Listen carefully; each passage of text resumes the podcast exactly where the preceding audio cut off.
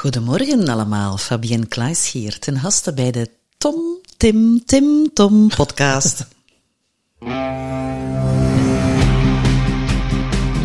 Welkom bij de Tim Tom podcast. Ik ben Timothy En ik ben Tom. Samen zijn wij jouw GPS naar geluk en succes. Dag lieve luisteraar. Ik kan me zomaar voorstellen dat je tijdens het luisteren van deze podcast plotseling zin krijgt om van alles op te schrijven. Wat zou jij nu werkelijk willen met al die inspiratie en al die inspirerende gasten? Maar dat is nogthans helemaal niet nodig. Oeh, dat is niet nodig. Hé, hey, kan ik dat niet allemaal niet onthouden? En eh, wie gaat dat opschrijven voor mij? De kaboutertjes misschien? Nee, maar dat hebben wij al voor jou gedaan. Surf naar www.timtompodcast.com en daar vind je een blog boordevol tips en wijze inzichten van onze gast. En als je er dan toch bent, download dan meteen ons gratis e-book vol boekentips, luistertips en nog meer inspiratie voor jouw persoonlijke groei. Dag lieve luisteraars en eh, dag eh, Tom. Dag eh, meneer. Ja, dat is al even geleden. Dat is al Ja, even we zijn eh, in de podcastreeks zijn we maar een week verder, maar eh, Ja, we hebben er is toch- toch wauw. heel veel gebeurd. We hebben het podcastfestival achter de rug. En eh, toch even moeten bekomen, hè? Ja, ik heb, ik heb toch zeker een week lang gewoon. bleh. Ja, ik ook. Ik was gewoon murf, maar wie doet dat? Op zes weken en een half een festival eh, organiseren voor 200 man. Allee, en, i- zotten, hè. Ja. en, iedereen die blij is. Dus eh, moet wel zeggen dat ik het publiek een beetje mis, want ja, ja, dat was super. En van het publiek gesproken, één iemand zat ook in dat publiek. En die is nu zelfs vandaag onze gasten. inderdaad, Fabienne Klaes. Ja, wel weet jij over Fabienne Klaas? eh, dat een toffe madame is, dat ze met een auto rijdt waar lef op staat. Dus zal een dame zijn met lef. Eh, dat ze ondertussen verhuisd is naar Antwerpen. En eh, zij is mentor en nestor. En daar houdt het op. Oké. Wat weet jij ervan? Ehm, ik weet eh, dat ze ook van vroeg opstaan houden, want we hebben elkaar leren kennen tijdens de 5am club. Dus dat was al super tof.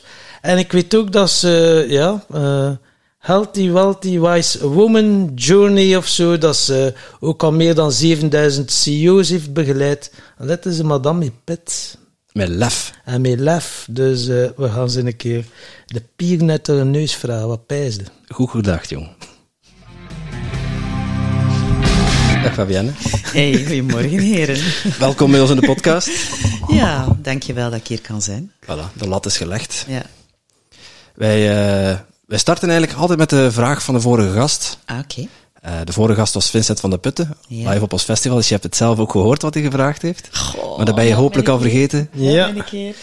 Als je je leven opnieuw zou kunnen overdoen, welke beslissing neem je mee? Was het zoiets? Bijna. Bijna goed. Ik dacht dat hij zei van, van eh, alles wat dat je tot hiertoe hebt geleerd en hebt ervaren.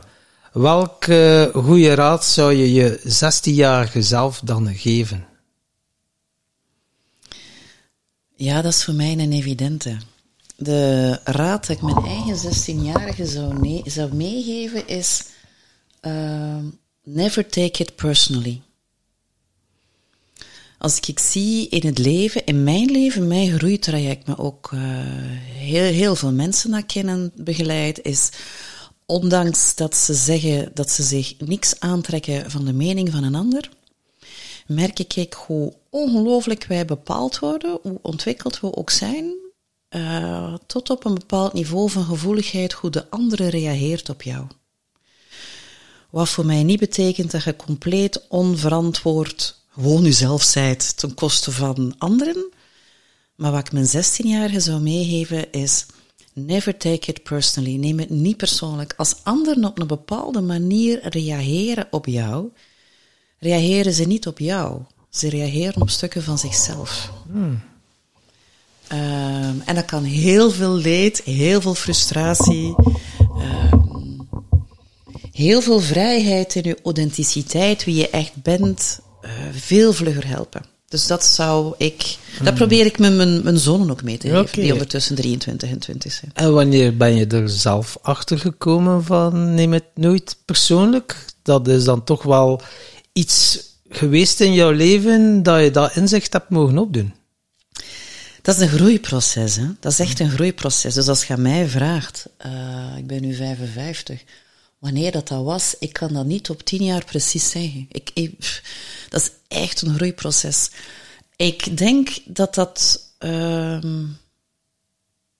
het hekken is dat ik het eerst in het bedrijfsleven ben gaan gebruiken. Op het moment kom ik daar praktisch niet meer bij al mijn programma's. Het is echt een persoonlijk groeiproces mm. geweest. Ik denk dat ik voor mijn veertigste niet toe was aan die uitspraak, ondanks dat ik die uitspraak al gebruikte. Oké. Omdat ik hem mentaal wel snapte. Ja. Maar dat het niet is omdat je mentaal snapt, dat je hem doorleeft en dat je hem emotioneel... Ja, dat je uh, geïntegreerd of geïnternaliseerd... Nee, nee, nee, het is niet omdat je snapt dat je doet. Het is niet omdat je snapt dat je weet. Het is niet omdat je weet dat je doet. Weet, er zijn allemaal nog zoveel paden tussen. Ja. Um, dus ik denk dat ik hem rond mijn veertigste al aan het gebruiken was, omdat ik toen vermoedelijk dacht dat ik het wel door had. En nu op mijn 55 denk ik, mm, is iedere keer weer een nieuw laagje, maar heb je het ooit door? Zoiets. Ja, en niet persoonlijk nemen, uh, dat is wel een uitdaging. het leven zit vol uit. ja, dat is, dat is waar. Dat is waar. Ja. En zeker als je dat advies geeft aan een, aan een 16-jarige. Ja. Hoe, ja, hoe zou dat bij jou binnengekomen zijn als je 16 was? Wel, dat zou afhankelijk geweest zijn van wie dat advies gaf. Um, want advies komt enkel toe als iemand vraag is voor advies. Hè? En dan een 16-jarige denk ik, ik heel erg aan de context van ouders met kinderen. En kinderen zitten niet te wachten op advies van ouderen hè? En, en, en hun kinderen. Dus bij mij zou dat heel erg afhankelijk geweest zijn. Uh, ik ben heel vroeg heel veel wijsbeheertes gaan bestuderen over de wereld, want ik wou nu een keer echt weten welk geloof nu het echte geloof was. Um, en het zou voor mij afhankelijk geweest zijn of het dat moment al een inspirerende leermeester voor mij was. En moest het van die persoon komen, zou ik daar veel gemakkelijker voor openstaan. Maar als dat komt van ouders, of wat ik kan proberen bij mijn zonen, hè, uh, ik ben al heel blij dat een 23-jarige soms al eens belt. Mama, zullen we eens babbelen? En ik denk, ah, moet ik gewoon afwachten tot hij vragen heeft. Dan staat hij open en dan mag ik. Dus op mijn 16 jaar zou het afhankelijk geweest zijn wie het mij verteld heeft. Het zou van mensen mogen gekomen zijn, dat ik vind een prachtig advies. Het zou van mijn moeder mogen gekomen zijn of van iemand uit de familie. Ene oor in, andere oor uit. Hey, jongens. Ja. Fuck you, ik maak mijn leven. Hè? Ja, zat dat de, de rebel zo al uh, van kleins af, van uh, kinds af aan, zo echt wel altijd eigenwijs. Dus op een punkietje in zwart met honing in mijn haar om het recht te laten staan. En, okay. en, en, broek gescheurd en met sluitspelden aan elkaar. Ja, daar, daar heb ik gezeten. Ja, ja, ja. ja. ja. En je zei S'nachts dat... opgebeld, 14 jaar. Uh, want ik zat op internaat. Dat was goed voor mij. op 14 jaar wordt mijn vader opgebeld. is dat hier in de buurt, Eitvelde? De ja, politie, dus... drugsrazzia, kom je dochter ophalen. Nee, dat kan niet. Mijn dochter zit op het internaat. Uh, is uw dochter Fabienne Kleist, 2 februari 67? Ja, nee, ze zit hier in het politiekantoor op dinsdagnacht om 4 uur s morgens. Ah, oké. Ja.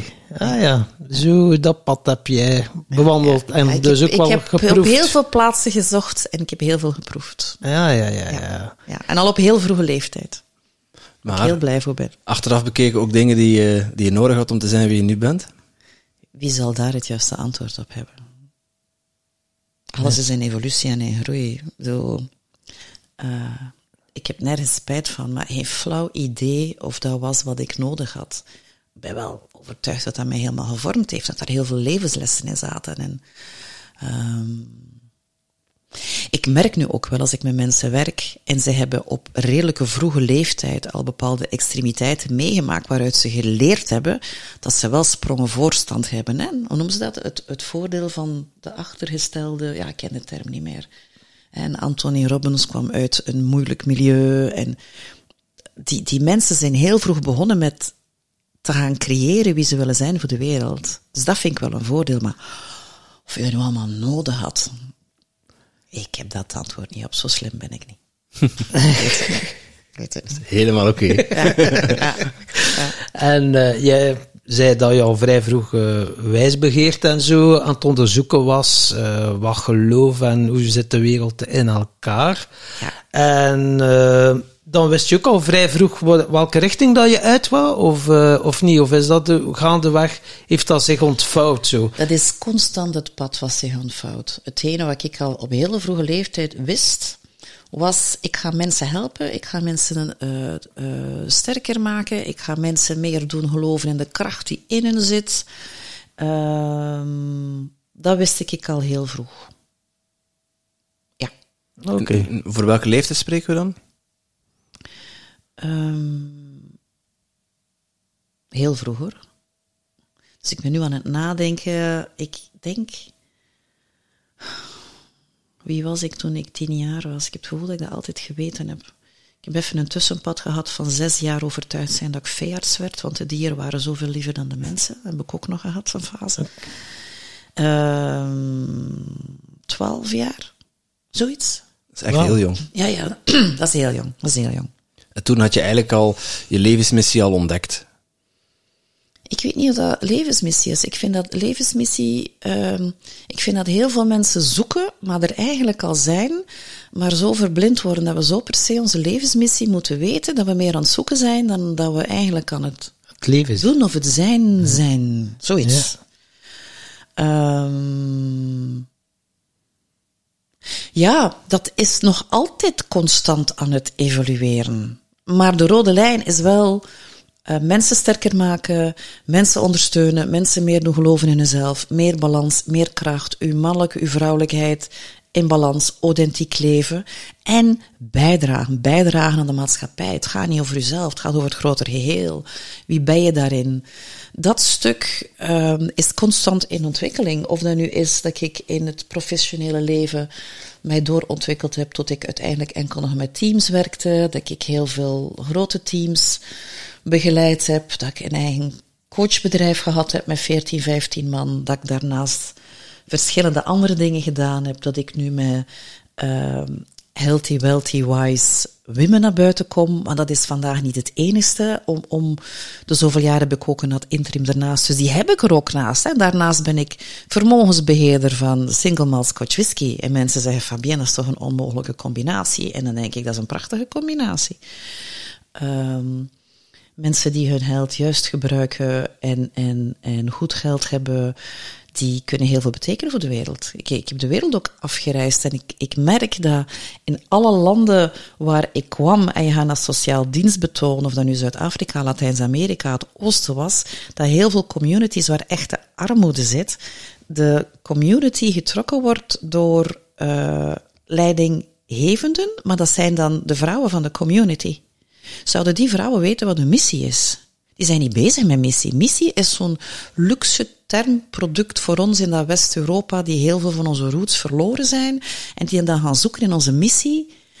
Maar gaandeweg zij dan te realiseren in het leven en er komen dingen op je pad. En ja, ik ben nu met voornamelijk vrouwen bezig, daar waar ik 30 jaar heel veel met mannelijke leiders bezig geweest ben. Zal dat vrouwen blijven? Ik heb meer en meer mannen die zeggen, kun je dat ook niet doen voor healthy, wealthy, wise man? En dan denk ik, ja, weet je, laat ons allemaal op zoek naar onze vrouwelijke en mannelijke kracht in onszelf. Dus ik ben ondertussen wel overtuigd dat ik mijn missie leef, maar ik wil die term toch een beetje opletten, want we zitten hier in zo'n zoekende maatschappij dat mensen, hoeveel mensen bij mij komen omdat ze het niet meer weten.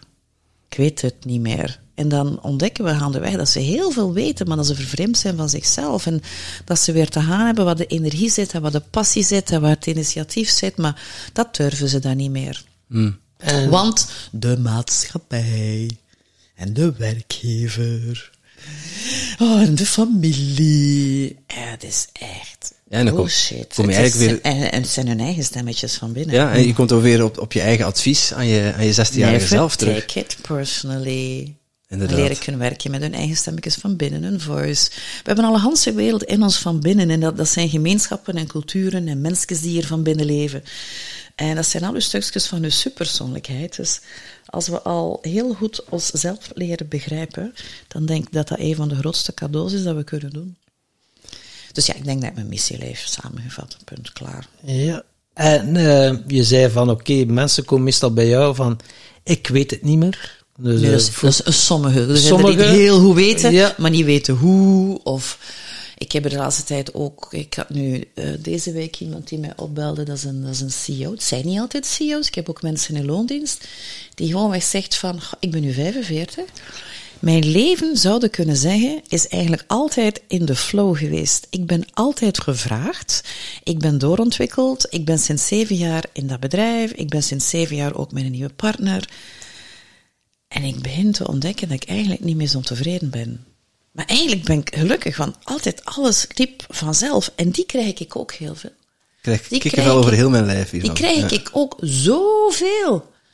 En um, ik noem dat vandaag de misplaatste dankbaarheid. We moeten, we moeten voor zoveel dankbaar zijn. Is dat echt zo? Moeten wij voor zoveel dankbaar zijn? En ik, um, de term dankbaarheid zet ook een deksel op het potje. Hè? Wij leren, ik ben een heel erge voorganger van, de, uh, van heel veel dingen, maar onder, van de, onder andere van de positieve psychologie. En wij leren dankbaar te zijn. Maar dankbaarheid geeft een grens. Dankbaarheid mag niet de rem zijn. En heel veel mensen leren oefenen in dankbaarheid. En dankbaarheid wordt de, de rem. Wees maar tevreden met hoe dat nu is. Dat en dat loopt eigenlijk al goed. Ha, wees daar dankbaar voor. Ik, ik doe ook veel meditaties vanuit dankbaarheid. Dankbaarheid is fantastisch. Maar de schaduwkant van dankbaarheid is dat was klein houden vaak. En, en dat vind ik zo moeilijk aan. Mm. Uh, it's a thin line. Ja, ik ben heel dankbaar. Maar waar gaat de dankbaarheid mij blokkeren in mijn ontwikkeling? Want mm. ik, ik, ik wil. En dan komt er bij mensen die. En die krijg ik ook heel vaak. Want het ging allemaal automatisch en ze zijn zo dankbaar.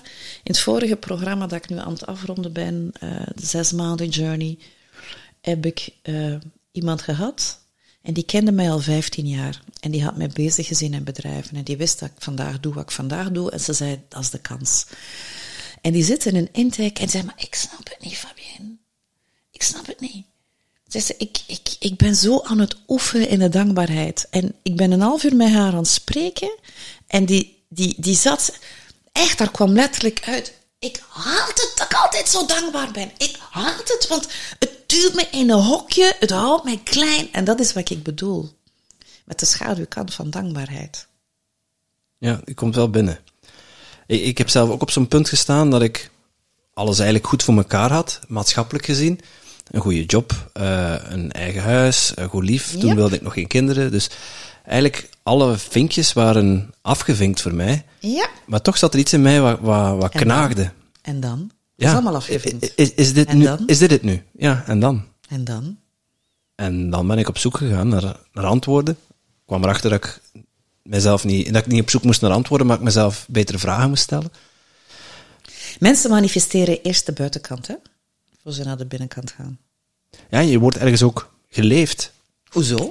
Wacht, pas op, hè. Nu ga ik ja, in, in, in de zin wordt van, geleefd. Ja, in, in de zin van, uh, ik spreek dan even voor mezelf, ja. uh, dat in flow, of denken in flow, dat alles maar ontstaat en gaat zoals het, maar wat is zoals flow? het gaat. Ja, maar nee, nee, nee, dat is een goede vraag. Wat is flow? En nu, nu zou ik daar een andere definitie aan geven dan vroeger. Maar voor mij is flow dat dingen moeiteloos gaan. Nee, dat is niet flow. Dat is hoe de term flow misbruikt wordt vandaag. Maar niet... Eh, dat is niet de wetenschappelijke term. Ik wil, hem, ik wil hem nog afmaken. Ja. Is, uh, maar dat wil niet zeggen dat ik, dat ik er niks voor moet doen of niet keihard voor moet werken. Het is niet dat dingen vanzelf gaan. Nee. Uh, maar wel dat als ik met die juiste dingen bezig ben, dat bijvoorbeeld de tijd stilstaat. Uh, dat er heel veel uit mijn vingers komt. Of dat ja. er creativiteit opgewekt wordt. Dat er dingen ontstaan. Ja. Dat er dingen op mijn pad komen. Ja. En dat is voor nu dan de definitie van flow. Als ik kijk naar vijf jaar geleden, uh, dan ging mijn leven eigenlijk vanzelf vooruit. Ik, ik maakte keuzes, de dingen werden, werden, werden mij voorgeschoteld. En ik was meer aan andermans doelen aan het werken dan aan die van mezelf. Uh, om mijn ouders tevreden te stellen, of om uh, goed over te komen naar mijn vrienden, of maar goed te doen voor je partner. Ja. En toen dacht ik dan, ja, alles gaat vanzelf, dus het zal wel de, de goede weg zijn. En tot ik mezelf tegenkwam. Ja, ja dat is niet zoals ik naar Flow kijk. Hoe kijk jij daarnaar? Net zoals we daarnet dankbaarheid hadden. En mijn vorige nummerplaat, ja, vandaag is het lef. Mijn vorige nummerplaat was Be Flow. Ehm, de zone waar alles vanzelf gaat, zelfs daar moet je er heel hard voor werken. En dan werken we heel hard, allemaal vanzelf. En dat is het begin van de burn-out of de bore-out. Dat is geen flow. Yep. Maar dat is wat mensen flow noemen. dankbaarheid was echte dankbaarheid. Flow was echte flow. Dat is niet flow. Mensen zeggen, oh, ik zit in de flow. En dan denk ik, "Wauw, ja, zit je echt in de flow? Ehm, flow is een fantastisch begrip. En eigenlijk is het super om voor jezelf te waken. Waar is mijn grens van dankbaarheid? En waar is mijn grens? Zit ik in een echte flow? Of zit ik gewoon in de gewoonte die hard aan het gaan is? En dat is geen flow. De flow dat je hoort, want heel vaak wordt de flow vergeleken met de kunstenaars en de tijd gaat vanzelf. Als je hem opzoekt, heb je een definitie, de echte wetenschappelijk, daar zijn boeken over geschreven. Die Rus, hoe noemt hij dat? Die voilà, Rus, voilà. Michael... eh, tit, tit, tit. Ja, ik weet het niet Ja. meer. eh. Goeie toevoeging, Ja, Tom. hè. Ja, een, hele lange familienaam. Ja, ik ja, denk ja. dat dat een vrouw is, maar zo echt, ik kan het niet onthouden. ja. Maar daar wordt hij redelijk goed in. Maar als je het gewoon opzoekt, of ja, mensen begeleiden die terug meer flow in hun leven willen. De echte definitie van flow is, ja, het klopt, je bent in een staat dat je niet moeiteloos, je bent in een staat dat je niet meer bewust bent van het nu-moment van de tijd. Dat is iets anders als het gaat moeiteloos. Je bent je niet meer bewust, de tijd gaat vanzelf. Ehm, maar in elke flow zit er een graad van moeilijkheid, want je wilt zelf beter worden. Of je wil leren of je wil ontwikkelen. Die kunstenaars die willen een meesterpiece neerzetten. En die zitten in flow, maar die zijn aan het oefenen om zichzelf te overstijgen. Ehm, en dat, kun je, dat moet daarom geen kunstenaar zijn. Jij kan jouw eigen huis stucadoren en keihard bezig zijn, heel hard aan het werken zijn. En je zegt, ik zit in de flow, je hebt gewoon hard gewerkt, punt, klaar. Maar je kunt je eigen huis aan het stucadoren zijn en merken dat je een, fractie van een seconde aan het vertragen bent, want je bent zo present dat je daar een, een, een heel mooi werk, dat je het beter wil doen dan wat je kunt. Dat is de echte definitie van flow. En die vergeten wij mee te pakken. Dus als je in flow zit, is er altijd een gradatie van iets wat je wil leren of beter worden. En die zijn wij vergeten in onze commerciële definitie van flow. En neigt dat niet naar perfectionisme? Nee. Nee? Dat neigt naar, ik ben mij aan het stretchen om net wat beter te worden. Oké. Om jezelf te overstijgen. Ja, Ja. ja. En je ziet dat de meeste mensen die veel energie hebben en blijven energie creëren, zijn mensen die steeds graag bezig zijn met groei en ontwikkeling. En daar hebben we flow-momenten in en kunnen in de flow zijn. Maar ook die wordt maatschappelijk echt gebruikt als ik ben goed bezig ik ben door aan het doen en ik ben door aan het doen. Maar dan zit je, als je het, het kwadrant hebt van de flow, dan zit je niet ergens boven wat de echte flow is. Dan zit je eigenlijk in de curve die al terug aan het dalen is. Want het is allemaal automatisch aan het gaan. Zelfs al ben ik hard aan het werken en het loopt, maar dan zit geen tevredenheid niet meer. Nee. Want, want daar ben jij niet aan het groeien of te ontwikkelen. Het is een hele moeilijke lijn om, om aan te voelen. Het is, iets- is een leerproces waar ik middenin zit, namelijk. En eh, de definitie die jij aan flow geeft, die resoneert. Ik krijg er ook kippenvel van als je dat Dat is vertelt. het tweede kippenvel. Ja, ja, ja, dat derde al. hè. We noemen dit de kippenvel-podcast. Ja, Ja. ja, goosebumps. Ja, goosebumps. Maar ja, je- je- ergens mee bezig zijn om jezelf te overstijgen. Eh, Die laat het wel zeggen, een heel klein, klein beetje beter maken. Ik vind die mooier dan overstijgen. Ja, want we 1% gaan niet naar het idealisme of bestaan niet, hè, trouwens. Enkel in ons denken, ook frustrerend. 1% groei. ik, terwijl, je dat, 1% beter. terwijl je dat zegt, flitsen er heel veel dingen bij voor mij die ik doe of gedaan heb, eh, waar ik dat effectief ook gevoeld heb. Ehm, maar ik heb vorig jaar, ben ik tegen, tegen de muur aangelopen, eh, ben ik in een burn-out terechtgekomen, omdat ik juist die grens niet wist te vinden. Nu kijk ik een antwoord op een van jullie vorige vragen. Ik heb twaalf jaar geleden ook in een serieuze burn-out terechtgekomen. En ik heb er ook heel veel uit geleerd. De vraag van wanneer is dat echt tot je Juist. doorgedrongen? Never take it personally. Mm. Ja, het was eh, in het jaar 2000 en 2010 is het antwoord. Kijk, Ja, Kijk eens aan. ja. Ook even een echte burn-out, hè? We komen straks bij de derde. Burn-out, maatschappelijk misplaatste term. Nog zo. Ja, ja. ik wilde er zelf geen label aan plakken. Het waren anderen die mij er bewust van maakten wat er met mij aan de hand was. En die inzichten hebben mij wel heel snel geholpen om er ook effectief uh, met de juiste inzichten en de juiste begeleiding uit te komen. Vrij snel ook. Ja. Um, maar wat ik merkte, als ik dan terugkeek van wat deed ik, ik dacht dat ik aan het werken was in flow.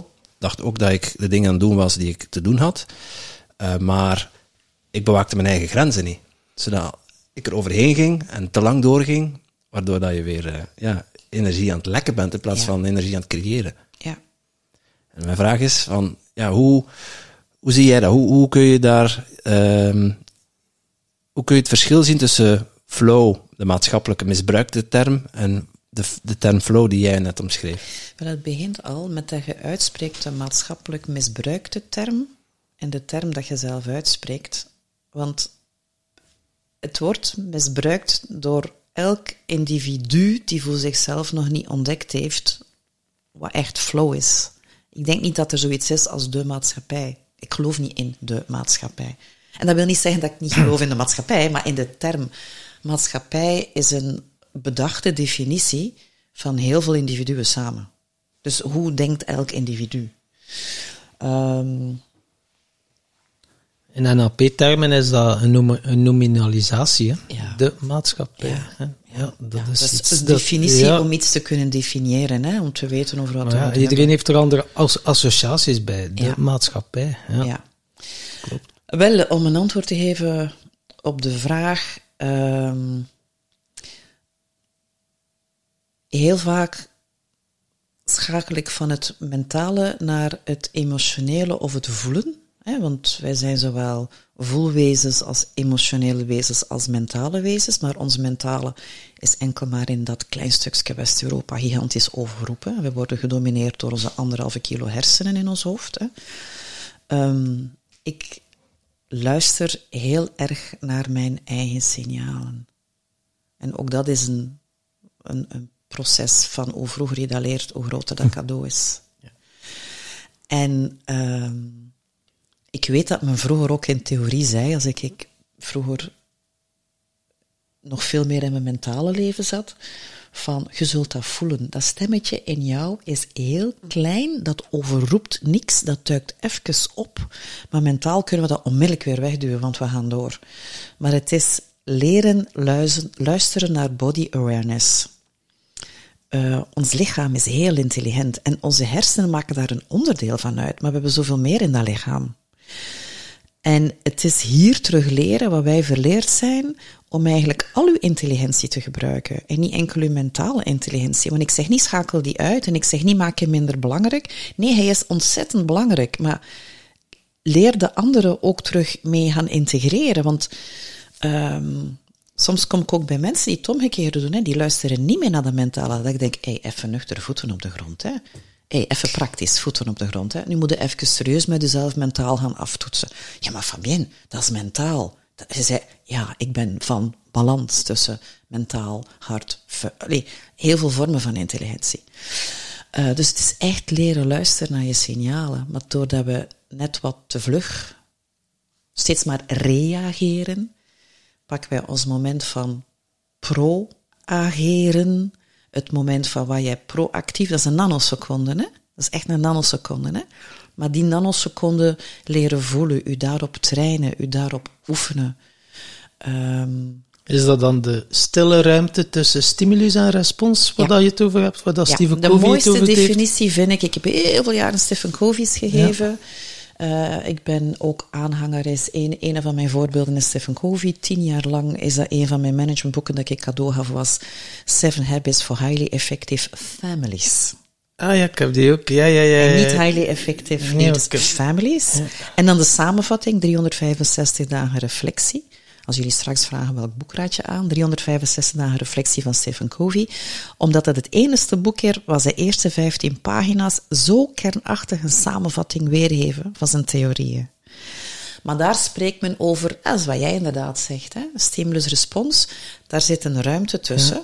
Maar ja, als wij iedere keer aan het reageren zijn, hè, Mensen leren, mensen gaan naar de mindfulness om dat te leren. Mensen gaan, hey, ik, weet je, ik, ik ben NLP getraind, ik ben van alles en nog wat getraind, ik ben mindfulness getraind. Heb ik dat ooit gegeven? Jamais van zijn leven. Dat is gewoon gereedschap in de gereedschapskist. Ehm, maar dat inderdaad gewoon weg leren. En, en, en dat is niet moeilijk om te leren. Dat is niet moeilijk om te leren. Het is enkel gewoon spijtig dat we soms een burn-out en ja, dat we uh, een sterfgeval in de familie, uh, iemand die vroegtijdig zelfmoord pleegt, dat we zo'n dingen moeten tegenkomen om stil te staan en onszelf in vraag te stellen. Zo zou het zijn om elke dag jezelf in vraag te stellen. Wat hm. heb ik vandaag te leren? Wat zal ik vandaag weer doen vanuit een automatisme wat een gezond automatisme is? Want dat geeft me energie om daar in het automatisme te zijn. Het geeft mij energie om vier uur lang niet naar social media te kijken, maar dat is een gezond automatisme. Maar in uw zelfbevraging van waar zit ik in routine of automatismes die mij eigenlijk energie kosten. Dus ja, en daar zie ik echt wel het verschil tussen uh, wat is echte flow en waar zit ik in een automatisme dat het gewoon handig is dat ik heel veel doe op korte termijn en ik noem dat flow. Wat soms ook weer kan zijn dat ik ervoor kies om dat te doen, omdat dat iets is dat mij energie oplevert, maar dat is geen flow. Nee, het kan het zijn, maar het kan ook een vermomming zijn. Ja. ja. Totdat je de echte distinctie maakt tussen wat echt flow is, wat echt flow is voor jou, en dan moet je daar terug weer niet meer bij stil gaan staan. Dan, dan, dan neemt dat lichaam terug over en plots denkt er, wow, nee, dit is niet de flow zoals ik heb. Het is enkel iedere keer opnieuw in dat, in dat kleine leerprocesje, dat je daar even een tijdje moet mee oefenen. En, en dan pakt uw lichaam of uw hersenen of, of whatever van intelligentie in uw lijf, neemt terug over. Hm. Dat ja, en, en, dat is dat stukje moeiteloosheid wat ik, wat ik net bedoelde. Ja. Ik kan dat ook hebben, bijvoorbeeld eh, als we voor de podcast bezig zijn en uh, uh, we hadden een bepaalde strategie bedacht en er moet dan invulling aan gegeven worden. Ik kan dat niet op eender welk moment. Uh, dat komt en soms komt die inspiratie terwijl ik met andere dingen bezig ben en dan ja ja, dan leg ik ook gewoon die dingen waar ik mee bezig ben even opzij. Om aandacht te geven aan datgene wat op dat moment ja. zich aandient. Ja. Niet als reactie, maar als pro-agerend. ja. En ja, ik vind het wel verhelderend uh, hoe dat je dat zo uitlegt. Ja. Het zijn nuances soms, hè. Maar in elke kwaliteit gaat het over nuances. Dus ik beloof nooit dat ik de wereld voor iemand ga veranderen, maar ik vind het altijd boeiend als mensen een half jaar bij mij zijn en ze zeggen van, ah, dat is onwaarschijnlijk, want het zijn zoveel dingen. We zijn met zo heel veel verschillende thema's in heel veel verschillende levensgebieden met alles aan de slag gegaan. En ik denk, als het overal 1%, gewoon de norm, overal 1%, dat is magic, wat er dan gebeurt zal wel zijn. Ja. Onze leus is 1% groei, 99% fun. Ja. ja. En als je dat, ah, dat is een goeie. Ja. En als je dat structureel toepast, elke dag 1% groei, exponentieel kom je op, uh, wat was 2780? 3780 procent op een jaar. Ik heb zo om de zoveel jaren andere uh, lijfspreuken die mij aanspreken. En ik heb ooit heel lang gehad, uh, toen ik ook nog in het bedrijfsleven zat, play, fun en ease play, fun en ease. En de term groei zit daar niet in, maar voor mij was dat zo evident, groei. Maar dan play, fun en ease. Ja, mm. Dus daar herken ik hem wel. Is... Daar herken ik hem wel. Maar ik wil nog even terug. Dus eigenlijk, ja, moeiteloos leven is dat je de keuzes maakt vanuit die stille ruimte. Tussen die stimulus en die respons. Als je daarin zit, en ja, dan zit ook in een soort flow, omdat je dan toch in een iets andere ruimte, in een iets andere ruimte zit merk ik bij mezelf, ja, ik noem het ook wel presence. Als ik echt wel in die presence ben, ja, dan komt het allemaal anders binnen. Ga je ook anders observeren. Uh, je lichaamsgewaarwording is helemaal anders. Dus je gaat ook afstemmen wat dat je lichaam je vertelt. Ik heb ook mogen leren. Stel nu een keer dat je lijf slimmer is dan je kop. Dankzij dokter Juliaan heeft er wel fantastische boeken over geschreven. Heeft mij heel veel opgeleverd. En door daarnaar te luisteren, is het leven wel makkelijker geworden. En wat doe jij om in die stille ruimte, van, vanuit die stille ruimte, uh, je keuzes te maken? Hoe raak jij in die stille ruimte? Is dat... Door nu, in dit moment, even te beslissen om één seconde stil te zijn voor ik antwoord. Bijvoorbeeld. bijvoorbeeld. Um, wat ik heel veel jaren voor Healthy Wealthy Wise Women uh, aanleerde in bedrijven, was net om die momenten, in elk moment dat je denkt, nu pak ik het even, gewoon te nemen. Mensen hadden heel vaak het excuus van uh, ja, het allerzwakste in uw leven is uitspreken, ik heb geen tijd. Hè? Ja. Maar um, het excuus van wanneer moet ik dat dan doen? En toen heb ik ooit een programma ontwikkeld, wat is de titel ook alweer? Mind Power, Mind Flow, Mind. Mindfulness, Mind Emptiness. Um, ik ben altijd met eh, Stephen Covey efficiency-programma's in bedrijfsleven geweest, maar ik stond gekend dat ik het voelbare en het meetbare altijd combineerde. Dus meetbaar high performance resultaat met voelbaar. En uh, dat was al 30 jaar geleden dat ik naar buiten kwam met voelbaar gelukkiger. Toen we er allemaal maatschappelijk nog niet over, over, over spraken, over de tendens van de laatste zoveel jaar dat het gaat over geluk, waardoor ik er wat allergisch aan geworden ben. Maar ik heb altijd voelbaar en meetbaar gecombineerd. Dus um, in de flow zijn of de moeiteloosheid zijn, betekent niet dat je alternatief op een ander pad gaat. Dat kan extreem gepaard gaan met high performance.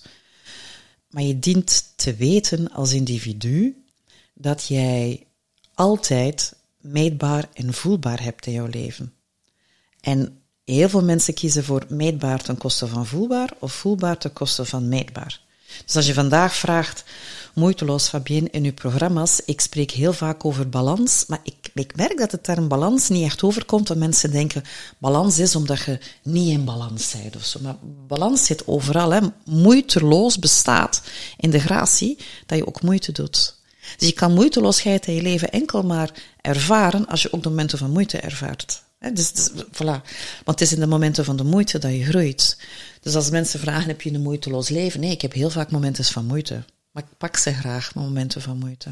Ja, dat is dan weer die dualiteit. Hè. Het licht hm? kan niet bestaan zonder donker. Ja, dus, ja. Dus, en het is geen dualiteit, het is complementariteit. ja. Ze staan niet tegenover elkaar, ze horen samen. Het is hetzelfde muntstuk, maar de verschillende kant. En ik merk ook, als je een spectrum hebt ja, bijvoorbeeld, ik had wel met mijn verslaving en zo wel een dingetje. Dus ik heb ook heel extreem geweest, de ene zijde, en heel extreem de andere zijde. Ja. En het is pas door die extreme zijdes te gaan op te zoeken, dat je balans kan vinden. Dat je zegt, ah, als ik hier in dat veld zit, hier tussen beweeg, dan voelt het voor mij juist. Maar je moet wel eerst de ene kant en de andere uiterste geweest hebben, om te kunnen beseffen van, hmm, ja hier zit het goed voor mij. Ja, dus ik pretendeer niet een moeiteloos leven te hebben. Mhm. Ik denk wel dat ik een gemiddeld meer dan moeiteloos leven heb dan heel veel mensen. Dat denk ik misschien wel. Maar uh, ik heb ook constant mijn dagelijkse struggles of dingen in mijn leven dat ik denk van, oh, was dat nu toch maar anders? Of... Dus ik, ik denk je fractie van een seconde nemen, um, en voor de mensen die denken, hoe doe ik dat dan in het bedrijfsleven, die zitten te luisteren, dat is zo simpel dat ik soms tegen mensen zeg, je kunt ofwel even naar het toilet gaan en daar je moment pakken, en als dat nog niet lukt, er is niemand dat opvalt als er achter je laptop zit, dat je even een minuutje stil bent en je vingers stokkelen niet, en je blijft kijken naar je laptop, maar je zit in je herbalansmoment. Dus je kunt dat eender wanneer pakken. Je kunt dat pakken voor een rood licht. Dus neem dat op de momenten dat je voelt dat je geënerveerd geraakt. Heb je een moeilijke meeting, pak dat twee minuten voor die meeting. Maar ga voor jezelf gaan beslissen waar je bij jezelf blijft en waar je niet bij jezelf blijft in die meeting. Dus dat is aanleerbaar gedrag. Dat is in het privéleven hetzelfde. Dat is precies hetzelfde in het privéleven. Als je partner iets zegt en die heeft, die heeft een drukke dag gehad en die is wat geïrriteerd en die zegt iets tegen, tegen jou, ga je dan direct de tegenaanval? Of Oh, ik heb een puberzoon van 20 die nu bij mij woont. Hè? En uh, ik ben nogal strikt, dat sinds dat we verhuisd zijn, dat het nog minder hotelmama is. Hè? En ik denk niet dat hotelmama is. Ik denk in vergelijking met heel veel verhalen die ik hoor, dat mijn jongste zoon Joaquin, als hij het ooit hoort, schiet hij me dood, want ze willen niet mee op de foto op social media. Dus zeker niet dat ik een naam benoem, maar hij zal het me wel vergeven, zo goed ken ik hem. Um, maar dat als jij gegeten heeft, moet hij zijn eigen spullen opruimen. Dat is zo ongeveer nog maar tien jaar. Dat ik zeg, niet op de vaat, maar in de vaat. Dus ik heb iets nieuws bedacht. Ik denk vanaf nu, ik heb dat nog maar een paar maanden geleden bedacht, alles wat niet in de vaat komt, komt op het bed. Zodat als je s'nachts thuis komt, niet is uit geweest, dat de potten en de pannen en alles wat op de vaat en niet in de vaat, op het bed. Dat werkt. Dat werkt. Dat werkt. Wat in de, in de living, op het bed. Hè? Want. En dat is dan op zijn bed dan. Op zijn bed, hè? En dat is dan heel nuchter. Gewoon even het gepraat werkt niet, het empathisch invoelen werkt niet. Ja, dan moeten we even naar de nuchtere hè, op het bed. Het heeft een paar keer gewerkt, tot op een keer uh, dat hij s'nachts thuiskomt en hij is zat. En het staat op het bed. Waardoor hij beslist, als jij dat doet met mij, dan ga jij niet meer slapen s'nachts. Heeft dat een paar keer geprobeerd. Dat je met zijn bed te slaan echt heel veel lawaai maken. Dan heb ik een keuze. Ga ik nu reageren of niet? En dan moeten we nu echt aftoetsen met hem. Wij konden vroeger daar vliegende ruzie over hebben. Dat moment kies ik ervoor om bij mezelf te blijven. En dan zit ik zelfs stiekem te lachen. Ik zit hem niet uit te lachen, hè. Waar ik een aantal jaren geleden explodeerde en ja, dat zag er niet, dat zag er niet het bij mij explodeert. Want ik zit hier, maar ik heb heel veel energie en heel veel kracht in mij. Um, dat is een voorbeeld. Echt vier uur s'nachts. En dan lig je daar in je bed. Hè? Je weet dat je op tijd op moet. En dan denk je, nee, ik kies mijn moment. Ik kies mijn moment. Ach, is nog maar twintig. Morgen zal ik even heel boos zijn, maar nu niet. Wanneer je zat, dat helpt niet. Uh, morgen gaan we even zeggen de punten op de i. Er komt een consequentie. Dat is voor morgen, niet nu. En als jij kan zien dat hij zat was en hij leert eruit, dan valt de consequentie. Dat is een beslissing in het moment, waardoor dat ik rustig kan blijven. Dus uh, in het privé is dat ook. Hè. Ik ben vier jaar gescheiden. Ik heb, ik heb twee, drie jaar een knipperlichtrelatie gehad die mij hè, over moeiteloos, moeite, moeite, moeite, moeite, um, moeten beslissen. Dit is eigenlijk best toxisch voor mij. Afstand pakken. Moeite, moeite, moeite, moeite. Dus mijn leven is niet moeiteloos. Hm. Maar in de moeite komt er weer je flow-momenten tegen. Want als je die momenten kunt overwinnen, want je flow is niet enkel in je creatieve stuk. Je flow is misschien zelfs het meeste wanneer je het moeilijk hebt met jezelf. Hoe gaan we daar dan flow gaan toepassen? Flow is ook gemakkelijk als het, als het gemakkelijk gaat. Hè? Ik ben met iets leuks bezig. Hm. Maar hoe zit het daarmee in uw moeilijke momenten. Want enkel daar kun je onderscheiden of het groeien zijn of niet. Ja, en dan, dat zijn de momenten waar je boven jezelf kunt uitstijgen. Ja, die momenten uh, voel ik, ik, die paar nachten geleden, vorige week was dat van, wow Fabienne, had dat dan een jaar geleden kunnen? Nee. Had dat dan een half jaar geleden kunnen? Toen woonde ik in een groot huis, een herenhuis, en niet voor niks had ik mijn zonen het vijfde verdiep gegeven. Jullie ruimte. Jullie dakterras, jullie kamer, jullie ruimte. S'nachts thuis, muziek, jullie ruimte. Jullie verdiep tussen, ja. jullie zwijnenstal. ik kom daar, ik kwam daar ook niet. Het verdiep eronder appartement dat ik verhuur en ik zat beneden in het herenhuis. Maar wij wonen nu samen op een groot appartement. Wij kunnen niet meer ontsnappen aan elkaar. Dus dit geeft mij challenge. Dit heeft mij challenge. Ja, de, ja dus wanneer is het klaar? Waarschijnlijk nooit. Nee, het zijn wel van spiegels gesproken en de dingen die dan worden aangeraakt. Ja. Want ja, ik heb ook, mogen, ja, ik heb ook uh, een puberende dochter van 20, dus ja. ik herken het. Ze is nu nog niet zo meer betten, zo, dat uh, nog niet, maar uh, wel andere dingetjes. En ja, ik merk ook dat ik er nu ook rustiger mee omga. Ja. Dat is dan ook zo weer die, zo die stille ruimte die ja. je dan in jezelf vindt.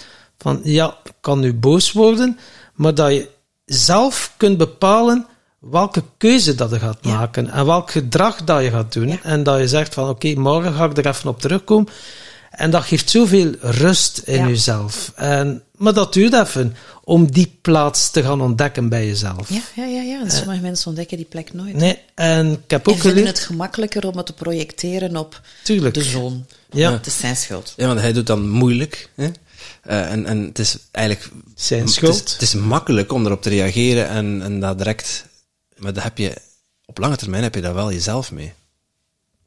Daar ben je niks mee geholpen. Dus door, door ja, op korte termijn voor de makkelijke keuzes te kiezen, krijg je een moeilijk leven. Nu, de volgende dagen zat alles wel in de vaat. Mhm. Dus dat was het resultaat. En als wij samen zitten, als die, eh, ik, ik, ik heb een, een rooftop eh, buitenkeuken op het dak. Als eh, de vrienden komen wel naar ons huis. En als de vrienden samenkomen, dan wordt heel vaak de mama er toch wel bij geroepen. Dus dan denk ik, het zal allemaal wel meevallen, weten. En dan spreekt hij ook uit van, ik heb een keert of een mama.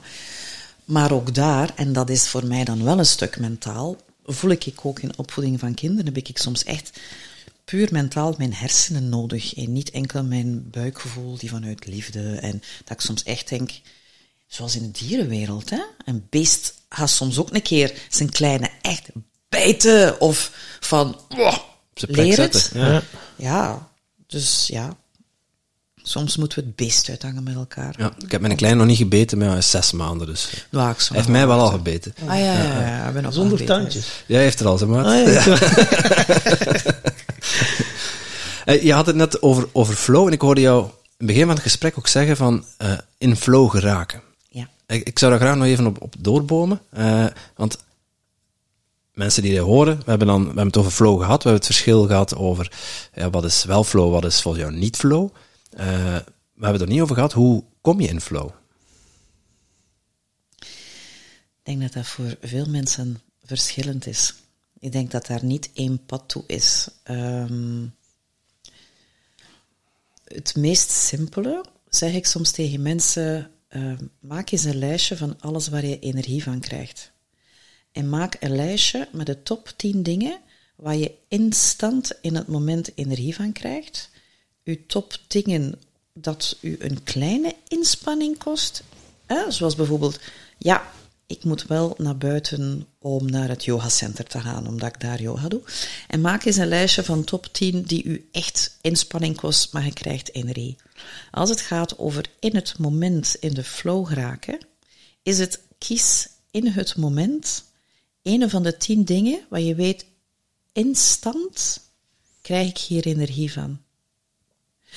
Vind dat een van de meest simpele, omdat er zeer veel mensen zijn die nog niet vertrouwd zijn met eh, meditatie. En met meditatie wil ik zelfs niet de term meditatie gebruiken. Ik wil eigenlijk de term gebruiken in het moment zijn. Want mensen denken dat leren mediteren. Nee, in het moment zijn. Uh, en omdat veel mensen niet in het moment kunnen zijn, is het handig om zo'n lijstje te hebben. Ik, bij mij heeft daar heel lang op gestaan. Ik had een dance-app. Ik ben klassiek ballet opgeleid geweest. Ik heb Hans mijn leven, mijn leven gedanst. Uh, heel veel gedanst. Dus ik weet, als ik de app opzet met goede muziek en ik begin onmiddellijk te dansen, dat ik mijzelf onmiddellijk in een andere staat krijg. Bijvoorbeeld. Um, en zo staan daar nog een aantal dingen op. En de kunst is om in het moment heel even echt te gaan kiezen. Maar je zou kunnen zeggen, ik voel me niet goed, dus ik ga niet naar mijn lijstje. Ja, kijk, dan helpt er niks. Dan helpt er niks. Dan zeg ik, wacht tot op de dag in je leven dat je bereid bent om er iets aan te gaan doen. Maar stop om te zeggen dat het voor jou niet kan en daarna wel over te klagen en te zagen. Dat is uw tijd nog niet, misschien is het nooit uw tijd. Um, als je wat verder wil gaan, dan denk ik dat het heel handig is om toch dingen te gaan leren, zoals mediteren, wat het voor jou ook mag zijn.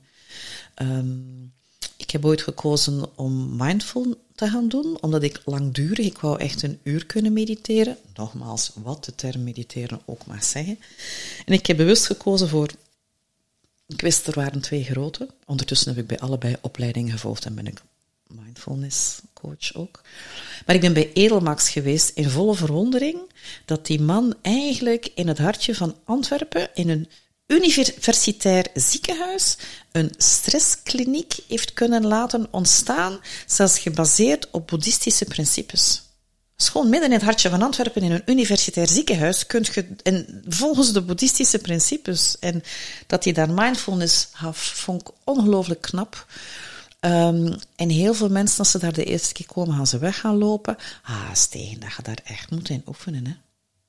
Alles, alles vraagt. Leren fietsen ja. is oefening. Autorijden is oefening. Leren in het moment zijn is oefening. Eerst moeite, en dan kom je in de stadium van moeiteloosheid. Dus dat leren, maar voor jou is het misschien natuur. Want ik merk, ik mag nog zo sporten dat ik wil, te zijn met bepaalde vormen van yoga. Ik blijf in de mind, uh, ze noemen het mindfulness, ja, mind emptiness. Er zijn heel weinig dingen waardoor mijn hoofd niet bezig is. Maar daar gaat meditatie niet over. Mijn hoofd mag bezig zijn. Ja. Dat mag. Maar ik kies ervoor om niet die aandacht te geven. En het is wel, blijft aanwezig. Dus eender welke vorm, of dat nu, ik heb zoveel mensen dat geleerd, gewoon met een meditatie-app. Pak een meditatie-app. Maar ben jij iemand die gewoon de discipline heeft om in oefening te gaan met iets? Of, of denkt dat het u allemaal zomaar gegeven is, moeiteloos, dat je het allemaal zomaar krijgt en dat het allemaal zomaar op je pad komt? Zij er bereid discipline aan de dag te leggen? Zij er bereid te gaan oefenen met hetgene waarin dat je wil groeien? Ben jij bereid? Punt. Ja, dat is inderdaad een mooie. Er moet bereidheid zijn, want anders kan je niks. Ja. Zo uh, niet krijgen we klagers. Ja, klagers en zagers. En uh, mediteren inderdaad. Ook een tijdje beoefend. En dan zitten we oké op een kussen, ongemakkelijke houding. En dan denk ik, ja, we hebben dan het geluk gehad iemand tegen te komen die presence teacht. Die zegt, eigenlijk kan je in minder dan een minuut een diepe stabiele staat van innerlijke rust ervaren. Dus dat is eigenlijk het resultaat van je mediteren. En daar ging ik wel van op aan. Ik zei, wow man. En daar heb ik dan ook zes maanden, zijn we intensief, ik iets intensiever dan in Timothy, uh, dat pad bewandeld. En nu kost het mij ook geen moeite om heel snel in die staat te komen. En kan ik andere mensen ook in die staat brengen. Ik was er rapper mee weg. Hè? Ja, ja ik had nog wel andere dingetjes uh, die ja. er komen. En nu is dat gewoon, dat heb je altijd bij jou. Dus als ik nu zoiets heb van, wat kost u weinig moeite? Oké, ik heb zoiets van 0% gedachte nu, pak, en ik ga direct in die staat. Ja. En dan, ja, is dat zalig. En maar ik denk er ook niet altijd aan. Ik kan er soms uitvloepen en dat ik onrust voel en zo dat ik dan eigenlijk zou moeten een, een lampje zou branden. Ah, onrust brengt je in die staat, maar je kan soms de onrust zijn, je emotie zijn, en dan lukt het niet meer. Nee. Dan, dan ben je onrust. Ja. Of dan ben je dat. En, uh, maar het is zo die fractie of die nanoseconde dat je zegt, dat je beseft, oeh, ik voel onrust. Oké, en als je dan de observator wordt van je onrust, daar zit het goud. Maar niet als je het bent geworden, dan nee, kan het een tijdje duren. Dat is te laat. Hè? Um, en ik, ik zeg aan heel veel mensen, oké, okay, weet je wat?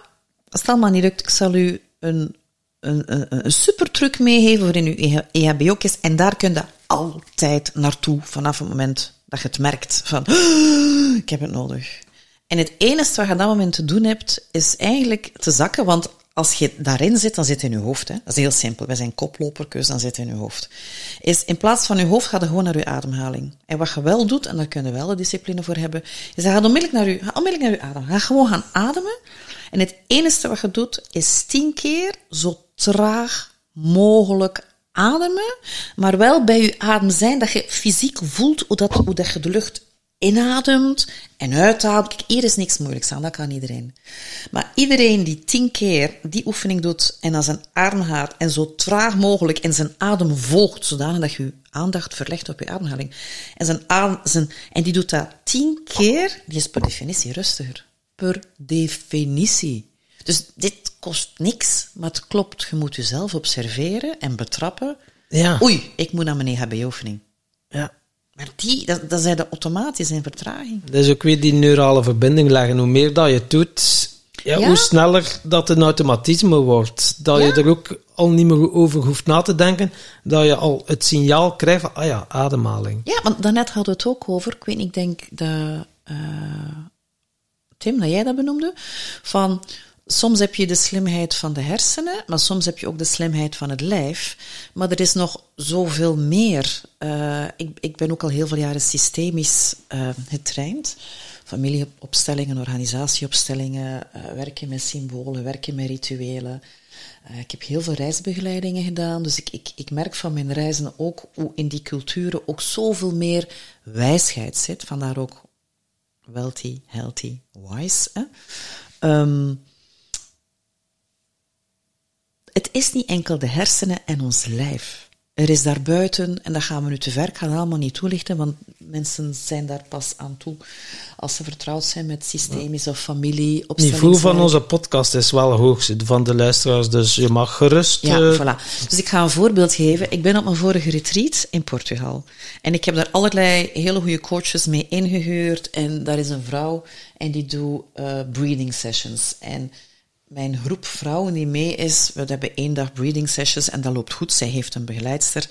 En de, uh, ik vind haar zo goed dat ik de dag nadien mijn coach van mindfulness, dat ik veel te mentaal vond, vervang. En ik pak nog een extra session, session voor mijn dames. En die liggen daar en de breathing session begint. En ik ben ook deelnemer. Ik was de dag voordien ook. En ik heb nog nooit van zijn leven breathing work gedaan. Ik heb er al van gehoord. Dat dat, maar ik heb dat nog nooit gedaan. Ze oh, kijk, tof, mezelf deelnemer. Dus ik lig daar. En de dag nadien lig ik daar terug. Maar zij heeft haar begeleidster niet mee, want ik heb haar last minute ingeschakeld. En ik kijk naar een van mijn deelnemsters. Ik weet wat er allemaal speelt. En ik zie dat hij in een hele diepe... En ik vraag me niet van waar, maar ik weet gewoon dat het belangrijk is dat er even heel veel aandacht naar die deelnemster gaat. Ik weet dat gewoon. Wie, wie, wat is dat die mij dat zegt? Ik weet dat gewoon. Maar de lesgever zit met de rug daar naartoe. Er is heel veel lawaai, maar die zijn ondertussen heel heftig in die breathing en er is van alles aan het gebeuren. En zij is druk want ja, in die groep was er al heel veel losgekomen natuurlijk op retreat. En zij is bezig met links van haar iemand en rechts van haar. In het moment sta ik op, ga ik naar die deelnemster, ik ga erbij gaan zitten. En ik ga van alles en nog wat gaan doen dat ik voel dat ik moet doen. En ik heb plots door, ah, dat is een rebirthing. Ah, oké, dat is een rebirthing. En ik begeleid dat en ik doe dat. En op het einde komt die vrouw naar mij en die zegt, Fabienne, maar heb je opleiding gedaan? Ik was klaar. Ik heb een bepaald moment zitten kijken naar u. Ik dacht, wauw, ik wist niet dat je geschoold waart. Ik zeg, gisteren was mijn eerste les breathing work. Vraag mij niet van waar dat, dat kwam. Mm. Um, maar dat noem ik dan het voelende of het wetende veld voor de mensen die, die, die wel opgeleid zijn en weten dat het niet noodzakelijk is. Andere mensen noemen dat dan intuïtie. Laat het ons bij intuïtie houden. Die is het mhm. meeste te snappen. Je voelt een bepaald moment en je gaat er ook naar handelen. En in je handelen in het niet weten ga je in volle vertrouwen. En dat is ook een levensspreuk van mij geweest. Pippi Langkous. Ik heb het nooit gedaan, dus ik denk dat ik het kan. Ja, dat zeg ik ook regelmatig. Ik denk dat dat een Pippi Langkous was, dat ik het gedaan heb. Um, dus het is niet altijd of de hersenen of het lichaam. Nee, want het is als soms je, nog veel meer dan dat. Als je daaraan overgeeft, dan doe, gaan je handen ook op bepaalde plaatsen gaan liggen. Als ik assistent soms ben bij plantmedicijnceremonies, shamaan, dus ook eens met breathwork. En ja, dan word je soms, als je dan intuned op jezelf, dan ja, ga je soms bij iemand gaan zitten en leg je hand op dat hart, maar daar denkt je niet over na. Nee. Dat is dan zoiets dat wordt overgenomen of je bent ingetuned of je bent een doorgeefkanaal van de universele bron of van de oneindige intelligentie of hoe dat je het ook mocht noemen. En dan achteraf krijg je dan de feedback, maar hoe wist jij dat ik hier dat beklemmend gevoel had of dat? Ik ik wist niks. Nee, nee, maar dat is het. Dat is dat zo is... herkenbaar wat je zegt. Ja. Ik, het is echt waar, dat is zo herkenbaar. Um, hetgene wat nu een jaar loopt, hè, Healthy, Wealthy, Wise Women, de tagline die ik heb is voor ondernemende vrouw met drive. Die nog meer schittering en magie in hun leven willen. En dus het gaat over de ondernemende vrouw met drive. Is dat een zelfstandige? Nee, niet noodzakelijk. Dat is iemand die bereid is om zijn eigen leven te ondernemen. Hè? Om, om dat vast te pakken en, en met drive. Dus dat is niet, nee, dat is niet de CEO. Nee, dat hoeft niet de leidinggevende. Heel veel mensen zijn ondernemend met drive. Die net een beetje meer schittering en magie willen. Hè? Om, omdat ik geloof in je mooiste leven ooit daar constant aan te werken. Ik heb in mijn vorig programma raar zoek ik dat compleet niet, want ik, ik, heb er, ik heb al heel veel jaren daar werkmodules rond ontwikkeld naar die meer magie. Dat deed ik trouwens ook in het bedrijfsleven. Maar ik integreer hun thema's. En die komen bij mij en nog voor ze hun thema's hebben uitgesproken, weet ik vaak al wat de thema's zijn. En sommige mensen zeggen, ja, dat weten we, dat werkt zo. Maar voor heel veel mensen is dat ac allee, maar ik kan het bijna niet uitspreken. Abracadabra. Abracadabra. Hocus pocus, ja, pat. voilà, hocus pocus. En ik heb in mijn vorig programma ook twee vrouwen gehad, die blijkbaar allebei net vijf jaar weg waren van een narcistische relatie, maar die nog zoveel last in hun systeem hadden. En ik, ik weet dat ik toen zei in het begin, ja, op het einde van dat wij een half jaar samen de reis aangaan zijn met elkaar, had daar compleet geen last meer van hebben. Weet ik veel wat ik uitspreek. Ik ken niks van narcisme, ik heb er geen boeken over gelezen. Ik weet dat niet. Maar die waren er wel van verlost. Dan denk ik, Ja, heel veel dingen, we, we- we zijn het allemaal in, vak, in vakjes aan het doen. Hè? ja maar dat is... Burn-out, narcisme, eh, allee, wat hebben we allemaal maatschappelijk van termen? Gelukkig zijn, dankbaar zijn, Succesvol. oh, succesvol zijn. Hè? Ehm, ja. En dan heb je inderdaad een, vo- een volledige gereedschapskist om dingen te fixen. En ja, je moet ergens beginnen als coach of mentor. Ja. Maar eens dat je dat dan ook los kunt laten, dat je eigenlijk niet echt voorbereidt, maar dat je iemand die bij jou komt echt wel gaan voelen van oké, en daar ga je mee gaan werken. En dan komt het wel wat dat je precies nodig hebt uit je gereedschapskist. Ja, ja, ja, maar dat, dat kan je niet op voorhand bedenken. Nee. Heb ik nu ook mogen ervaren, al meerdere keren. Door dat los te laten, het bespaart je tijd, omdat je dan niet meer met die voorbereidingen en zo bezig bent, maar gevoeld, je brengt hem of haar in de presence, oké, en dan ga je met dat gevoel aan de slag. Ja. En losgekoppeld van het verhaal, en dan heb je veel sneller resultaat ook. Dat klopt. En dat is ook wel, je hebt het ook wel eens zelf te doorlopen, dat pad. En ook heel wat hindernissen en blokkades en pijn en wat dat er nog allemaal naar boven komt, het echt wel doorleefd en doorvoeld moet hebben. Ja. Om op dat punt te komen dat je zoiets hebt van, ja, oké man, universum, eh, ik ben uw instrument en ja, spreek maar door mij. Ja. En dat is al voor veel mensen spiriwiri, maar ja, het geeft zo een ongelooflijk gevoel als je dan ziet op zo, soms op 20 minuten tijd dat er echt iemand gewoon... Ja, ja, en weet je, we gebruiken hier de term spiriwiri. En ik gebruik heel vaak, zeker als ik dan in de wat meer, eh, bijvoorbeeld wel in het bedrijfsleven, ik spreek dan gewoon over wat is je spirit. Heb je de spirit om te gaan realiseren wat je wil realiseren in je leven? En de spirit, heb je de spirit, heb je de guts, heb je de lef, heb je de durf, heb je de spirit, die is veel hangbaarder. Dus ik, ik gebruik heel graag het woord, heb je de spirit. Weet je? Mm, dat is je wel die? mooi, ja. Omdat dat, dat, dat is niet zweverig. Bedoel, ik, ik ga nu voor mijn derde keer terug naar Zuid-Afrika. Eén week is professioneel. Daar wordt zo gewerkt met hè, de basis van eh, familieopstellingen. Opstellingswerk. Bert Hellinger heeft jaren in Zuid-Afrika gezeten. Daar zijn de roots. De roots zitten in, eh, daar een stuk gedeeltelijk ook in, in, in, in Sangoma. Niet zozeer ehm shamanistisch, maar in Sangoma-culturen dat is zo mooi om, om daar te zijn en daar ook mee in contact te komen. Want de, de programma's die ik volg, daar reizen mensen van over de hele wereld om daar deel te nemen. En er zijn mensen vandaar die vorige zomer hier geweest zijn om deel te nemen aan congressen. Ehm, maar wij, zijn dat, wij, wij hebben geen community niet meer waar wijsheid doorgegeven wordt. hè. Ik vind dat zo missend. En ehm, daarom dat ik vaak ook zeg, ik, ik ben geen coach niet meer. Ik ben een, een mentor of een nestor die heel veel wil doorgeven. Ik wil heel veel zelfcoachtechnieken, heel veel kennis doorgaan geven, dat de vrouwen die ik begeleid daar veel rijker uitkomen. De vrouwen die naar mij komen, zijn niet vrouwen die komen omdat iets gefixt moet worden of een problematiek. Dan moeten ze misschien voor dat ene thema dan een hele specifieke coach. Ehm, ik werk heel graag op dat proactieve. Van het voorbeeld dat ik gegeven had van die klant. Eigenlijk, eigenlijk zit het wel goed, maar ik voel dat er iets ontbreekt. Het zou nog mooier kunnen. Alvorens we in een bore-out, alvorens we in een burn-out, alvorens we zien dat onze, onze energiebatterij weer te laag is, maar een constant verantwoordelijkheid pakken van ik ben de enige die voor mijn energie kan zorgen. Ik weet dat het complexer is dan wat ik denk, want er zijn heel veel levensthema's. Ergens snap ik ook wel dat communicerende vaten zijn. Ergens snap ik ook wel dat ik blinde punten heb van mezelf. Uh, en weet je wat? Ik ga eens investeren in mezelf. Ik, ik heb zelf ook constant mentoren om mij heen. Wie, wie, wie ben ik om ze zelf niet te hebben? Ben ik er? Nee, ik heb ze ook. Waarom ga ik naar Zuid-Afrika? Eén week is ook weer om aan mezelf te werken. Ehm, maar ik merk dat de laatste tien jaar ik, ik een beetje klaar ben met alle mentale programma's.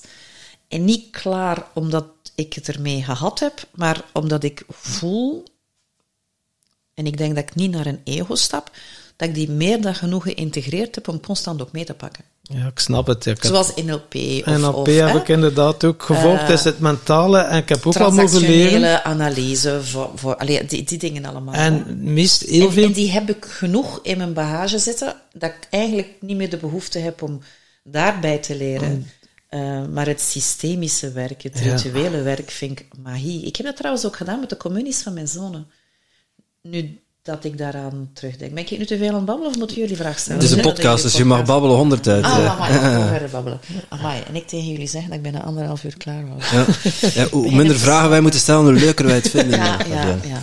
En ik had toen niet door dat ik met rituele werk bezig was. In mijn, in mijn jonge jeugd ben ik gaan zoeken van wat is de juiste godsdienst. Want ik heb natuurlijk heel veel jaren in mijn leven ook gezeten dat ik dacht dat iets het juiste was. Hè. En dat was dan het boeddhisme, werd dat dan uiteindelijk voor mij. Dus ik heb best wel boeddha-beelden bij me thuis. Ah ja, voilà. Dank u wel, top. Ehm, maar mijn zonen hingen En probeer er ook een beetje in te spreken. mijn zonen gingen in, in de eerste en een plechtige communie doen. Waarom? Omdat toevallig het toffe schooltje om de hoek een katholieke school was. Ja, en daar haven ze geen zedeleer. Dus, ja, katholiek. En toen dacht ik, hoe gaan we dat hier doen? En wij hadden eh, allebei, mijn zonen met drie jaar verschil, hadden allebei een half Iraans jongetje als vriend. Hè? Dus die waren ook twee broertjes en die zaten allebei in de, in de klassen van mijn twee zonen. En ik heb die mensen leren kennen en eh, die man is ooit als politiek vluchteling, maar dat is een architect. Die heeft daar in de burgeroorlogen, die is daar gefolterd van alles en nog wat. We hebben die mensen leren kennen. Hele toffe koppels. En die zaten zo ook, maar ja, hoe moeten we dat nu gaan doen? Want wij hebben een bepaald geloof. Ik zeg, weet je wat? Ik wil eigenlijk een jaar lang gaan werken rond symbolen, symbolieken en lessen meegeven aan de kinderen. En dan hebben we gekozen voor, en we zijn projecten gaan opstellen. was zo fijn om te doen. Dus wij hebben bijvoorbeeld, ik had op televisie een programma gezien dat uh, in uh, Antwerpen station er de vierde wereld voedselbedeling is, maar dat de man die dat overgenomen had, een project opgezet had van wij gaan voedsel gaan recycleren van al die traiteurs die massaal veel lekker eten, bij de duurdere traiteurs samen in vuilbakken steken. Dus dat was een van de projecten dat ik me daarin gewerkt heb. En dat wij een aantal keren met de jongens gaan kijken zijn welke traiteurs mee wouden doen. Waardoor dat die zagen hoe massaal veel ongelooflijk lekker eten wij konden recycleren voor mensen die daar dan ja, dankbaar, dat is de term. Ik, ik vind hem bijna, want ik vind dat echt dat die mensen dankbaar zouden moeten zijn. Daar zitten mensen tussen die in, in gokverslavingen gekomen zijn, maar ooit ongelooflijke functies hadden. Dus dat was bijvoorbeeld een van de projecten. Maar eigenlijk is dat een rituele feest. Een van de andere projecten is dat we met de kinderen samen bewust gekeken hebben naar Schindler's List. Om daar rond dan gesprekavonden te hebben, hè, rond, wij leven hier wel in luxe, maar Duitsland, dat is allemaal niet zo ver, hè? Want die kinderen hebben niet meer het geluk dat zij ooit voorouders gaan kennen die de oorlog hebben meegemaakt. Zij hebben het ongeluk om gelukkige ouders gehad te hebben. Hè? Ook een van de projecten. Projecten rond natuur. En zo heb ik heel wat projecten in elkaar gestoken en dat enkel gedaan voor die jongens. Waardoor de school vroeg het jaar erop of ik de catechese niet wou begeleiden. Nee, ik dacht het niet. Nee, ik dacht het niet. Hè? Maar dat is, dat is rituele werk. Gaat dat moeiteloos? Nee, dat heeft me moeite gekost. Hè? Maar je heeft wel iets mee. Dus als ik vandaag kijk naar rituele werk van familieopstellingen, oh, ik vind bijna dat men in elke leerschool van leadershipontwikkeling mijn, mijn opstellingswerk mee zou moeten integreren. Of iets wat te maken heeft waarbij we komen tot een thema dat wij wetenschappelijk niet kunnen verklaren. Want de behoefte om wetenschappelijk te verklaren is weer die anderhalve kilo, enkel maar die hersenen. Wij weten dat dieren geluiden horen die wij niet kunnen horen. Allee, wij weten dat er zoveel is, maar omdat dat al bewezen kan worden, is het oké. Okay. Ja. Zo zou het zijn dat in de wetenschappen, net zoals Edelmax een stresskliniek vanuit het boeddhisme heeft kunnen integreren in het ziekenhuis van Antwerpen, dat wij uh, terug wijsbeheer te gaan invoeren. Dat kinderen terug leren filosoferen en nadenken. Dat zijn wij afgeleerd. Het is, is de cursus, hier is het, leer het, slik het. En dan denken we, hoe komt het dat pas op 30, 40 wij tot wasdom en rijkdom komen, dat we dan pas de vragen leren te stellen? Tenzij we het geluk hadden van een ongelukkige jeugd. Ik heb het geluk gehad van een ongelukkige jeugd, dank je wel.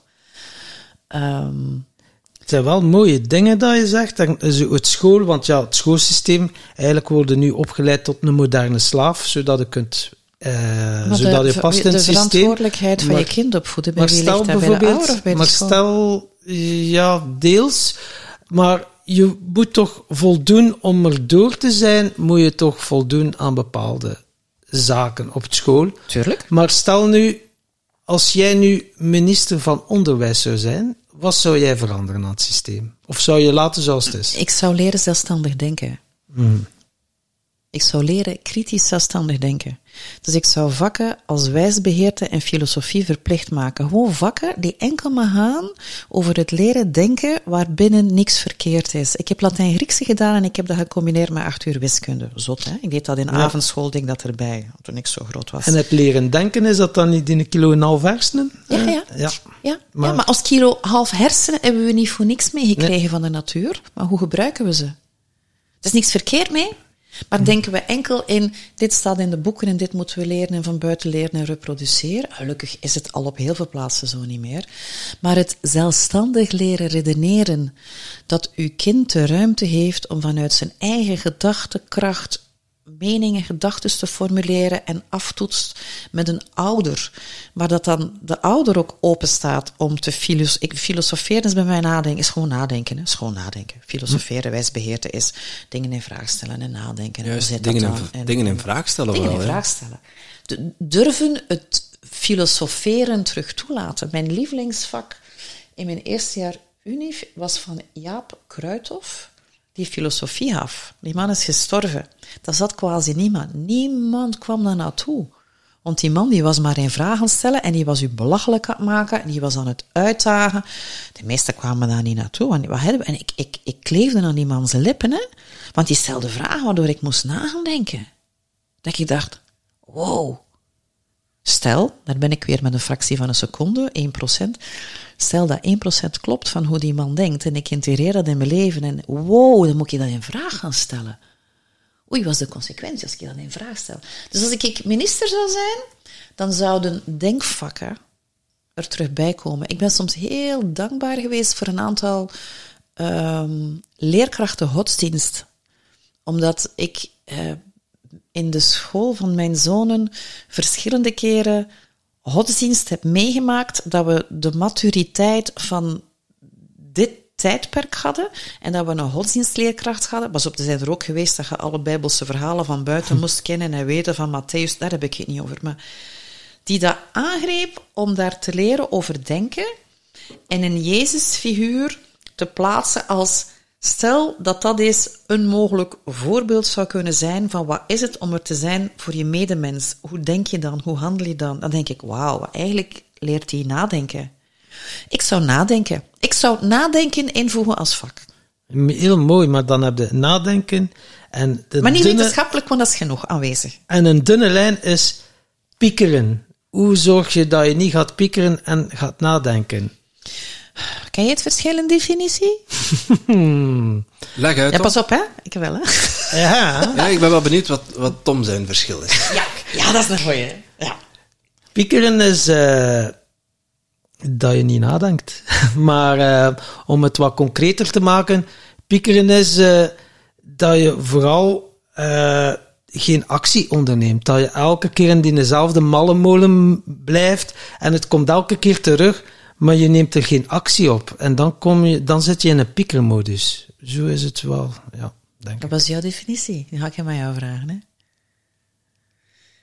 Tim? Mm, voor, mij, ja, voor mij is denken dingen in vraag stellen. Waar we het net ook over hadden. En piekeren is uh, jezelf elke keer opnieuw dezelfde vraag stellen zonder, zonder naar het, ja, niet de juiste vraag. Gewoon verkeerde vragen stellen waardoor je in een, Ja. in een Ja. loop komt. ja, ik denk dat we twee dingen hebben. Nadenken is een bewuste actie. Piekeren is geen bewuste actie. Nadenken is om ons vooruit te helpen. En dat moet niet altijd een actie zijn. De beslissing kan ook zijn geen actie. En in, in- de being blijven. Eh, daar waar piekeren steeds... Echt, als je dat... Voor de luisteraars, iedere keer dat je piekert, pak eens een blad en schrijf eens op waarover dat je aan het piekeren bent en je gaat op den duur beginnen lachen met jezelf. Om te zien dat iedere keer weer hetzelfde, iedere keer weer hetzelfde, iedere keer weer hetzelfde. En dan zeg je van, ja, daar is hij weer, hè, mijn piekeraar. Blijkbaar moet ik mijn piekeraar even aandacht geven dat hij wat kalmeert. Hè? Pietje Moet een gesprek aangaan met uw piekeraar. En eh, hoe geraakt uit de piekermodus, bijvoorbeeld jij? Als je het gevoel hebt, ja, zo van, oeh, ben aan het piekeren. Je zult ooit ook wel gepiekerd gehad, gehad hebben. Ja, ja ik heb hebben gehad. En nog altijd, elke dag, hè? Ja. Ik bedoel, eh, tuurlijk, wij, wij, wij zijn mensen en, en dat blijft, hè? En betrap ik me er elke dag op, op de gedachte die voor zoveel keer weer langskomt? Nee, soms ook niet. Ehm, ik heb laatst in een van mijn nieuwsbrieven geschreven, dat is weer zo een E EHBO-stukje om in, je, in, je, in je koffer te hebben, is... Je moet natuurlijk jezelf betrappen erop. Als je jezelf niet betrapt, dan, dan, dan, dan stopt het allemaal. Hè? Het eerste is dat ik mezelf de vraag stel, wat is mijn focus? Of wat wil ik dat mijn focus is? Dat is gewoon, ik, ik, stel mij, ik stel mij drie vragen als ik pieker. Wat is mijn focus? Wat zijn mijn waardes? Wil ik hier een actie ondernemen? Zit die in the being of the doing? Dus dat is mijn gereedschapskist, als ik betrap dat ik pieker. Is er focus? Wat is mijn Eh, focus? Wat is mijn focus? Wat wil ik dat mijn focus is? Ja. Wil ik hiermee bezig zijn? Wil ik dat mijn focus is? Ga terug naar mijn focus. Hè? Maar soms is nodig, wat is mijn focus? Wat wil ik dat mijn focus is? Wat zijn mijn waarden? Wat is nu echt belangrijk voor mij? Omdat als ik in contact kom met wat echt belangrijk is voor mij, kan ik soms iets doen aan dat pikkergedrag. Ja. Hè? Bijvoorbeeld loskomen van een relatie op het moment dat niet zo gezond is. Mijn hoogste waarde is, is vrijheid en betekenis. Dat kan ik daar niet vinden. Dat is dan veel gemakkelijker om mijn piekeren los te laten, dat ik eigenlijk behoefte heb om terug te gaan. Maar dan zit ik op het tweede niveau. Ik, ik, mijn focus alleen is dan niet sterk genoeg om dat los te laten. Dus ik moet naar mijn tweede gaan de waardes. En mijn derde is, heb ik hier iets te beslissen? Zo ja, is het een actie of op niveau van being?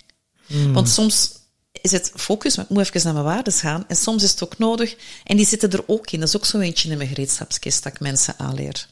Ik, ik hou van heel veel quick wins. Ehm, en soms komen die dan uit het mentale, hè, want we zijn aan het piekeren. En ik ga hier eigenlijk naar een mentale oplossing. Waarom?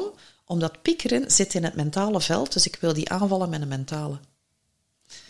Dus zo ga ik om met piekeren. Of zo leer ik mensen hoe ze met piekeren omgaan. Focus, waardes, actie op being of doing niveau. Dus ja, je gaat van gedrags naar identiteitsniveau. Je waarden zijn... Mijn waarden zitten op identiteitsniveau. Identiteitsniveau, Mijn focus zit niet op Nee, nee, nee, nee, identiteitsniveau. van- ja, klopt.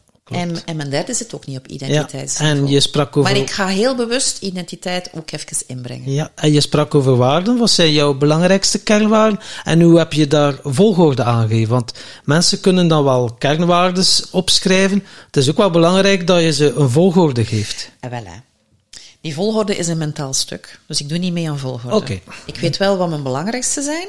En afhankelijk welke ik nodig heb en in welke situatie, zijn die met elkaar aan het spelen en zien we welke dat moment dan wat meer boven komt. Ehm, laten we wel zeggen dat ik een top heb. Maar ik heb daar niet een 1, 2, 3, want dan zit ik terug in het mentale, want dan kom ik weer in conflict met mezelf, dat ik moet gaan weten wat mijn 1, 2, 3 is. Dus daar wil ik niet aan meedoen. Oké. Ehm, vrijheid. Wauw, vrijheid? En vrijheid, want dat is dan... We zijn ook wel al een tijdje bezig met kernwaarden. Is het ook wel belangrijk...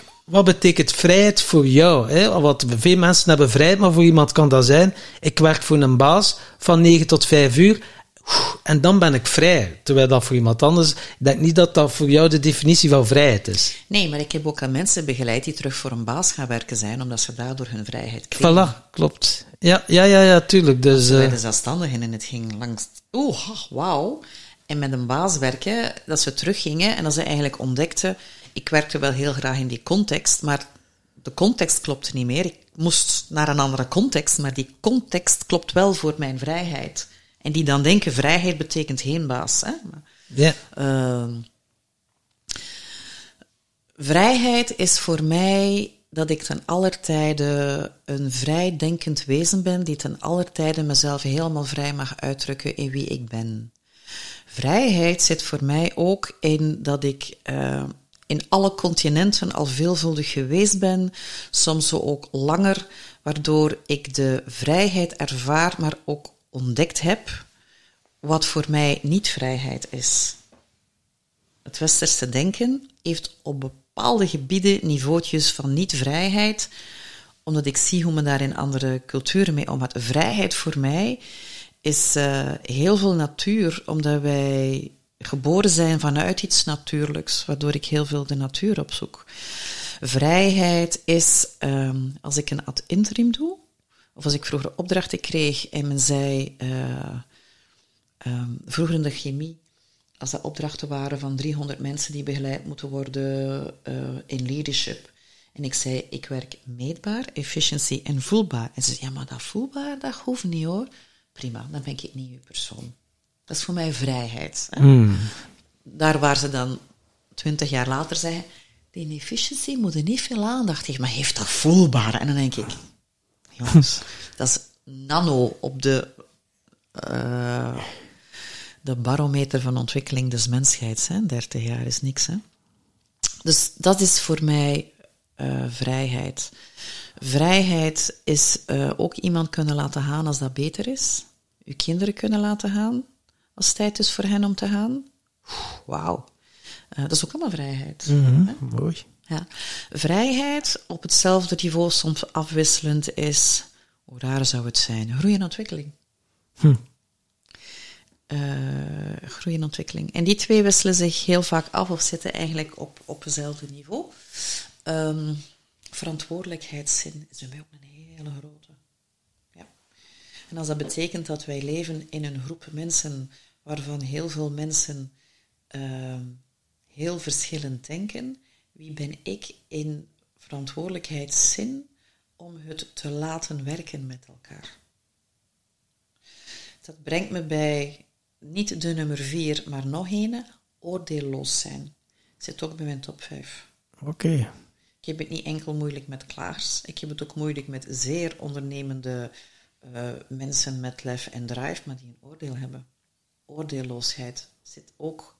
Omdat oordeelloosheid al per definitie wil zeggen dat je van jezelf overtuigd bent dat je ergens gelijk over hebt. Dat vind ik moeilijk, hè? Mm -hmm. Dus oordeelloosheid zit erbij. En nu wil mijn mentale stukje per se dat ik er vijf zeg. maar die vier komen eigenlijk boven en die zijn heel vaak aan het spelen met elkaar. Ah. Um, Wat wil u ego nog toevoegen? Ja, mijn, mijn, mijn, mijn, mijn mentale stuk zegt, Fabienne, dat is een goeie, dan heb je er vijf. uh, uzelf verantwoordelijk verklaren voor alles wat er is, wat zich afspeelt in uw leven. Stel dat ik de enige ben die verantwoordelijk is. En het ligt niet aan iemand anders. Dat vind ik ook een hele belangrijke. Dus eigenaarschap nemen eigenaarschap. Over, je, over je leven. Nee, maar eigenaarschap pakken over alles. Over alles, hè? Ik zit in de file. Ik heb toch niet aan zeuren over de file, want ik heb mee de file veroorzaakt, maar ik zit erin. ja, ja. ja zie, zie je het als een kans. Je kunt naar de Tim Tom podcast luisteren. Ja, ja. ja. Ik kwam dus juist uit mijn yoga. En van 7 tot 8 vanmorgen vroeg heb ik al yoga gedaan. En eh, ik rij rustig naar hier. Ik denk, oh, ik ga veel te vroeg zijn. Ja, ik ga wel een café. En we zitten in de Kennedy Tunnel. Ik zit kei relaxed in die auto. De micro, de micro. Oh ja, ja, ja, ja, ik kijk heel vaak naar buiten. Hè. Ja, ja. Um, kei relaxed en ik zie die mensen opgejaagd naast mij en op een bepaald moment begint er een auto, twee auto's achter mij te toeteren. En ik denk, kerel, ja, ik denk dan altijd dat het een kerel is, hè, geen vrouw. Kerel, uh, jij zit wel mee in de files, hè? je veroorzaakt hem wel mee. Ik denk, zou die daar nu niet aan denken dat hij mee oorzaak is van het probleem? Maar blijkbaar niet. Hè? Blijkbaar niet. Ja, ja, ja. Blijkbaar moeten we toeteren, dan gaat het blijkbaar vlotter of zo. Maar heb je niet elke keer een oordeel over iets? Hé, kerel, je bent nu aan het toeteren, is er ergens een oordeel? Of zie ik dat, ja, kun je oordeelloos zijn? Je hebt altijd wel iets, als er iets gebeurt, heb je er wel een mening, je hoeft ze ervoor niet uitspreken, maar het komt toch in je binnen. En zo. Als er iemand doet, gaat u dat niet... Heb dus iets van, hé, hey, kerel, doet er... Maar, uh, Tom, hebben we nu misschien al een klein beetje leren kennen. Hoe, hoeveel procent zou ik daar beter moeten worden op wat het is bij mij vandaag? procent. Aha. Aha. Aha. Aha, en nu hij. Ah, ah, ja, Fabienne. ja, voilà. Ja, d- Ja. er is niet zoiets als... Ja. Dat is... Was dat Socrates of was dat Plato in zijn kelder? We gingen gaan kijken naar de schaduwen van de ideale wereld, die wij nooit kunnen bereiken. Daarom noemen we het ideaal of perfect, perfectionisme. Er is niet zoiets als een streven totdat we er zijn. Er is een streven van hoe kan ik mezelf daar 1% beter in maken, wat die 1% ook is. En dan maakt het leven heel draaglijk en toch heb je meer dan genoeg stretch daar. Ik, zit, ik zit aan die man en dan denk ik van, waarom zit hij te tuteren? Maar ik vind dat dat moment niet... Ik heb, ik heb eigenlijk medelijden met hem. Weet je? Dat ik denk, jong, hij heeft nog serieus te groeien, want waarschijnlijk ben ik hier tevredener in mijn auto dan jij. En waarschijnlijk als er nu iemand belt, ga ik meer kunnen bijdragen aan die andere dan jij. Want misschien ga ik kunnen geven en jij gaat energie pakken. Ze gaan bellen naar jou, gaan beginnen afgeven, energie pakken. Oh, ik zat net in een Oh, ding, er zit er zo'n stomme Mercedes voor mijn neus met, met, met een dom kenteken lef. Echt, die stond in mijn weg. Dat Zalig, wilde niet weten. Zalig, hè? Ja, ja. Ik heb sinds dat ik met in deze rij ook veel meer mensen die een middelvinger uitsteken dan mij. Hè? Echt, hè? En op mijn, op mijn vorige stond er B-Flow en dat was geen Mercedes. En dan kreeg ik, ik, als er een symbool was wat ik meer kreeg, dan kreeg ik meer lieve handjes die zwaaiden naar mij. Ik krijg nu met een Mercedes Cabrio, waar Lev op staat, en ik krijg nu meer middelvingers die de luchten. Ik moet dan lachen. Dan denk ik, ja, dat is mijn keuze. Ik bedoel, wat ik boeiend vind, is degene die aan mij de vraag stelt: waartoe doe je dat en wat betekent dat voor jou? Vind ik veel relevanter dan de vingertjes die de lucht in gaan. Dan denk ik: ja, jongen, geniet van uw vingertje dat de lucht in gaat. Hè? En met die auto, dus Lef en die Mercedes, welke waarde is erbij gevuld? Vrijheid. Ik mag zijn wie ik ben. Ik draag bij. Want lef is het enkelvoud van leven. En begeleidt mensen naar mooier leven. Lef is het enkelvoud van leven. De L staat voor levenslust. De lust hebben, want heel veel mensen zijn hun lust kwijt. De lust hebben om te leven. De E staat voor energiemanagement. En de F staat voor flow. En nu ga je, makker. Voilà. ja, ja, u vraagt, wij draaien. Ja, voilà. Mooi, hè? Ja. Is wel, En ik eh, moest een nieuwe auto hebben. De vorige ik moest hem vervangen. En ik was in het weekend bij een vriendin en die had juist een Cabrio BMW gekocht. En ik was daarmee gaan rijden. En ik heb jaren geleden ooit een Cabrio Saab gehad. En ik dacht, oh, hoe zalig is dat, die vrijheid. Die, die zelfs in de winter met een sjaal en een dikke jas als het zo ijskoud is. En dan de binnenwegen pakken in plaats van... Maar de zon schijnt, dat ding moet open. Wow, de zon schijnt, dat ding moet open. En ik ga gaan testrijden in BMW en ik ontdek, ah, ik voel het niet in BMW. En ehm, ik wist, ik wil cognackleurige zetels. Dat wist ik. Ik wil cognac. Dan ga ik gaan googlen op cognackleurige zetels. Want de vorige moest rood zijn aan de buitenkant. Dat was mijn enige criterium. Mijn enige criterium was cognac. En dan komt een Mercedes boven, tweedehands. Hè. Ik koop auto's enkel tweedehands. Hè. Voor die eerste 10.000 kilometer ga ik die 30.000 extra niet betalen. Hè. Eh, en ik vind op de tweedehandsmarkt... Ja, en daarom is het een Mercedes geworden. Ik heb even gedacht, Fabienne, ga je een Mercedes? Oh, dat is zo comfortabel. Vrijheid, weet je? ja. Ehm, ik heb genoeg sociale projecten. Ik sponsor heel veel dingen. Eh, ik zit heel vaak in de auto. Ik heb twee hernia's gehad. Ik wil heel comfortabel in mijn auto zitten. En het rugcomfort is top. Als ik twee uur moet rijden. En wie gaat tegen mij zeggen wat ik mag doen en niet mag doen? Niemand. Voilà. Dus ik rij mijn lef. Ja. Enkelvoud van leven. Uitgevonden door mijn zoon, die daar net in de podcast komt. Die Ja. marketing studeert. Want ik had de vorige nummerplaat was B-Flow. Maar die was één, van één bedrijf. En deze Mercedes zit in een ander bedrijf. Dat bedrijf van B-Flow bestaat ondertussen niet meer. En eh, ik kon de nummerplaat B-Flow niet meepakken, want het was gekoppeld aan een ander BTW-nummer. Dus ik kon die niet meer meepakken. En er bestond ondertussen B-Flow 1, 2, 3, 4, 5, 6, maar je kunt alle zes keer pakken. Dus ik wou nog een personaliseerde nummerplaat. Want wat een goedkope marketing is dat? Dat kost u 1000 euro. Je moet geen marketingcampagnes doen. En tien jaar lang is iedereen aan u aan het vragen. Ook als je bij bedrijven komt en je komt ergens. Je auto valt op en ze, ze gaan met u in gesprek. En diegenen die niet in gesprek gaan, hebben heel vaak een oordeel of durven niet. Want als de madame die met een Mercedes Cabrio rijdt met een nummerplaat, lef, gaan we die wel aanspreken. Die hebben ook. Maar ja, dat zijn niet mijn ondernemende vrouwen met drive dan, hè? Nee, dat waren de oude bommakjes bij mij in de wijk. Zo is waarschijnlijk. Ja, als die nu naar de podcast luisteren, hè? Ja, we, we hebben, we hebben al iemand gehad die de nummerplaat God rondrijdt met een Porsche. Dus eh, dat is de overtreffende trap misschien. Weet je wat ik laatst gezien heb? Ik heb er foto's van gepakt. Een roze Cadillac met de nummerplaat Godzilla. Nee, Cruella, Cruella. Cruella. Roze, midden in die op de wijk, met de nummerplaat Cruella. Ik heb die naar mijn zoon doorgestuurd. Zeg, die is misschien nog authentieker. Nee, ik kon me een Biflow niet meer pakken. Want ik, ik kocht vanuit mijn, mijn nieuwe vennootschap voor mijn nieuw bedrijf een auto. En wat ik ook zocht... En ik had courage en van alles en nog wat. hè. Ja, courage, de moed, de durf. Hè.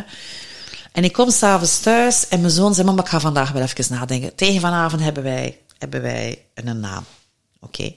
En ik had heel veel armbandjes aan en in een workshop, eh, ja, zo'n workshop waar ik dan zelf een half jaar in zit en dan ging over jezelf gaan hercreëren. Wat is de term dat je meepakt? Had ik een armbandje voor mezelf gemaakt waar lef op stond. Want lef is de enkelvoud van leven. Dus ik liep al een half jaar rond tussen al mijn armbanden met een armbandje waar lef op staat. Mijn zoon zegt s'avonds, ah, maar ik heb het gevonden. Lef. Jongen. Ik, hè? Ik ga toch niet met lef rondrijden? Zelfoordeel, zelf, ego, ego, zelfoordeel. Ik ga toch niet met lef rondrijden? Mama, alle namen dat jij en ik bedacht hebben, zijn allemaal 1, 2, 3 keer ingenomen. Lef is niet één keer ingenomen. Niemand durft daarmee rijden. Niemand heeft lef om daarmee te rijden. Niemand heeft lef. En wat zegde hij altijd tegen mij? Practice as you preach, met een zoon, hè, toen van 19. Oké, dit wordt een nummerplaat. Wauw. Dus eh, zo is hij tot stand gekomen. Maar ik vind veel waardevoller was de betekenis. Hè, wat betekent die? eh, Dat acroniem eigenlijk. ja, Ja, voor jou enkelvoud van ja, leven. jou, ja, en wat ja. ik ook door wil geven. Het gaat niet over mij. Het gaat niet over mij. We wilden doorgeven, we wilden doorgeven. Ehm, ja, dat vind ik een veel leukere.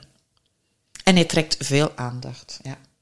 Mannen alleen die aan de kant van de weg nu aanspreken en denken dat gelukkige goedjes zijn. Of van alles. Van alles Ja, heb ik al Kijk meegemaakt. eens aan. Ja. Ja. Straf.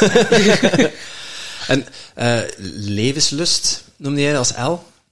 Eh, wat, wat, wat geeft jou levenslust?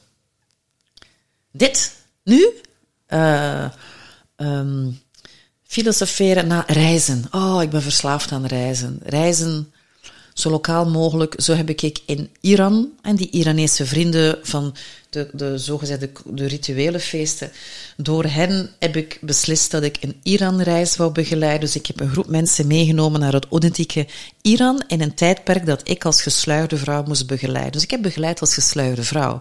Om ook te ervaren wat het is om dan te denken dat dat dan zo aanvoelt om een door ook met heel veel gesluierde vrouwen te spreken. Dus reizen naar andere culturen, eh, andere zienswijzen opzoeken daarmee, in, in filosofie gaan, in discussieer gaan. Ehm, in Iran in een, in een eh, uiteindelijk toegelaten te worden waar heel weinig groepen binnen mogen, waar de vrouwen gescheiden van de mannen, de vrouwen enkel in zwart. En dan toch ken, ken de naam van de leider van zo'n community, die mij toch ontvangt en zegt van, ik vind dat zo knap dat je tot hier komt. Wij zitten niet in oordeel, maar ik zou zo graag met jou willen vertellen wat wij aan de wereld willen vertellen en dat dan mogen meemaken.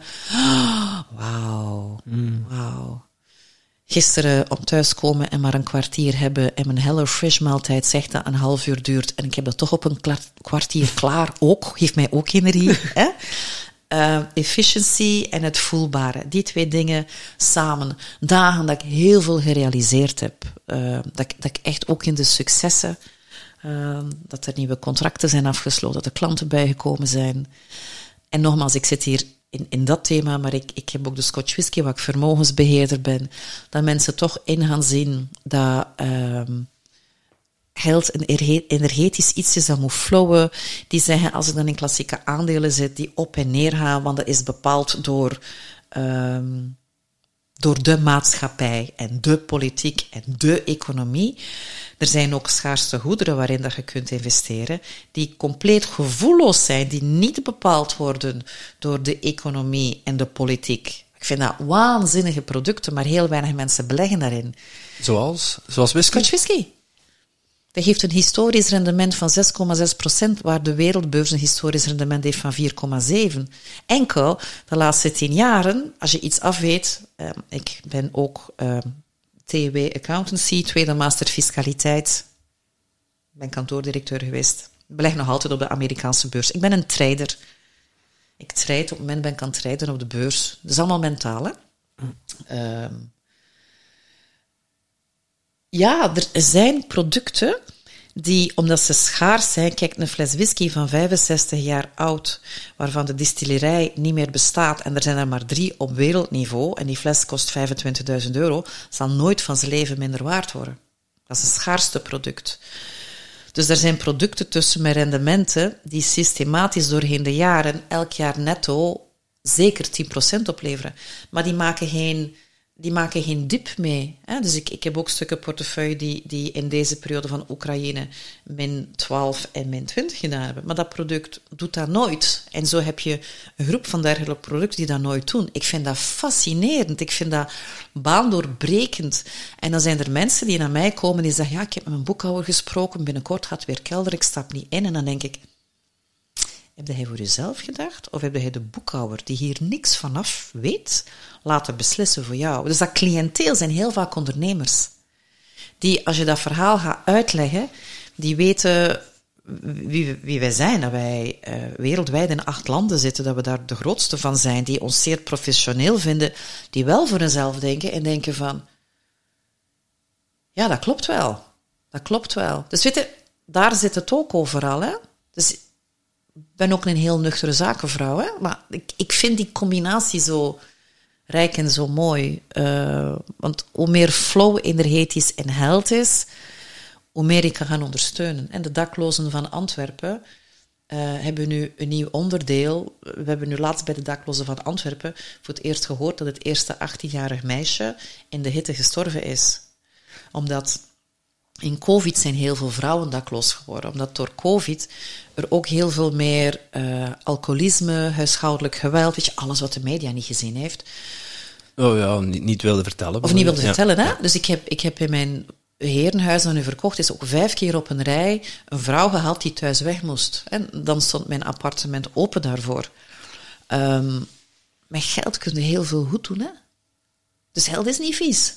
Als je geld enkel maar wil hebben omdat je er meer en meer en meer en meer wil om in een potje te steken, dan kun je afvragen waar zij ermee bezig. Want de dag dat je doodgaat, gaat het meepakken in een zakje in nu. Allee, wat ga je ermee doen? Hm. Maar als je dat kunt laten flowen, en het is aan mij om vrijelijk te kiezen wat ik daarmee doe. Hè? En ik heb zo'n aantal goede doelen en ik, ik heb zo'n aantal um, projecten al gesponsord wereldwijd. Ik heb zo drie, drie kinderen kunnen laten opgroeien in, in andere culturen. Uh, ik heb zo vrouwen al kunnen opvangen. Dus geld is echt niet vies, mm. maar is het energie. Dus levenslust. Uh, ook dat doen groeien. Ook die, ook die mindset bij mensen die zo gevangen zitten van oh, om heel gelukkig en goed te doen voor de wereld, dan zijn ze dan zijn niet rijk. Ja, maar wacht even. Van waar komt... Waar is dat teksteltje er weer al op gezet geweest? Weet je?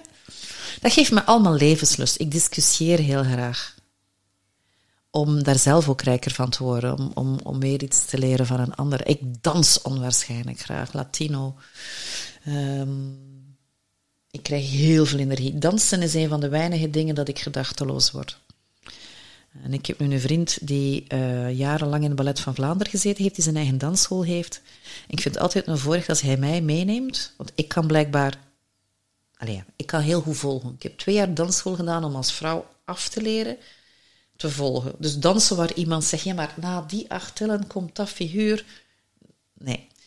Maar dat is een dansleraar, dus die kan mij meepakken, die kan lifts met me doen, die, die, die, kan, die kan mij doen bewegen. Oh, heerlijk. Dus ik reis heel graag, ik dans heel graag. Uh, ik ben heel graag samen met mensen. Op het moment heb ik een aantal kaans- en wijsavonden om iedereen bij me thuis in plaats van één één groep. Het samen zijn, het gewoon, ik mis community. Ik community, waar in heel, in heel veel andere culturen heb je het kind, de moeder en de gemeenschap en de grootouders. En dat heb je in Latijns-Amerika, dat heb je in Afrika, en dat heb je eh, in het, in het oosten ook wel een stuk, al iets minder. we vinden het soms wel in het zuiden van Spanje en zo, en Portugal, maar wij hebben dat niet meer. Ook, ook, ook daarom dat ik mij zo graag nestor. Want ik, ik vind het fantastisch als, ik noem mij een wijze heks of een shamaan, dat je wijsheid kunt gaan doorgeven. Maar ik ben dan een shamaan in westerse kledij, die ook een trader is op de beurs en die met een Mercedes rijdt. En ja, Ja, Osho reed ook mee chique wagens, hè. ja, Dus eh, waarom niet? Dus dat was inderdaad de levenslust, maar de E staat voor energie. Ja. Had het al een keer even gezegd. Waar krijg je instant energie van? Dus van dansen. Van alles wat eh, levenslust geeft. Alles wat dat levenslust allemaal geeft. samen. Dus, en dan Waar de- krijg je flow van? Van hetgene wat in mijn energie zit en in mijn leven. Dus die drie, ah, ik had het net niet verteld, die drie kunnen niet zonder elkaar. Daarom vormen ze samen het woord lef. Dat enkelvoud van leven is. Ja. Is Ja. Heel mooi over nagedacht. Ja. Ja. ja dat is, eh, Soms denk ik na. ja.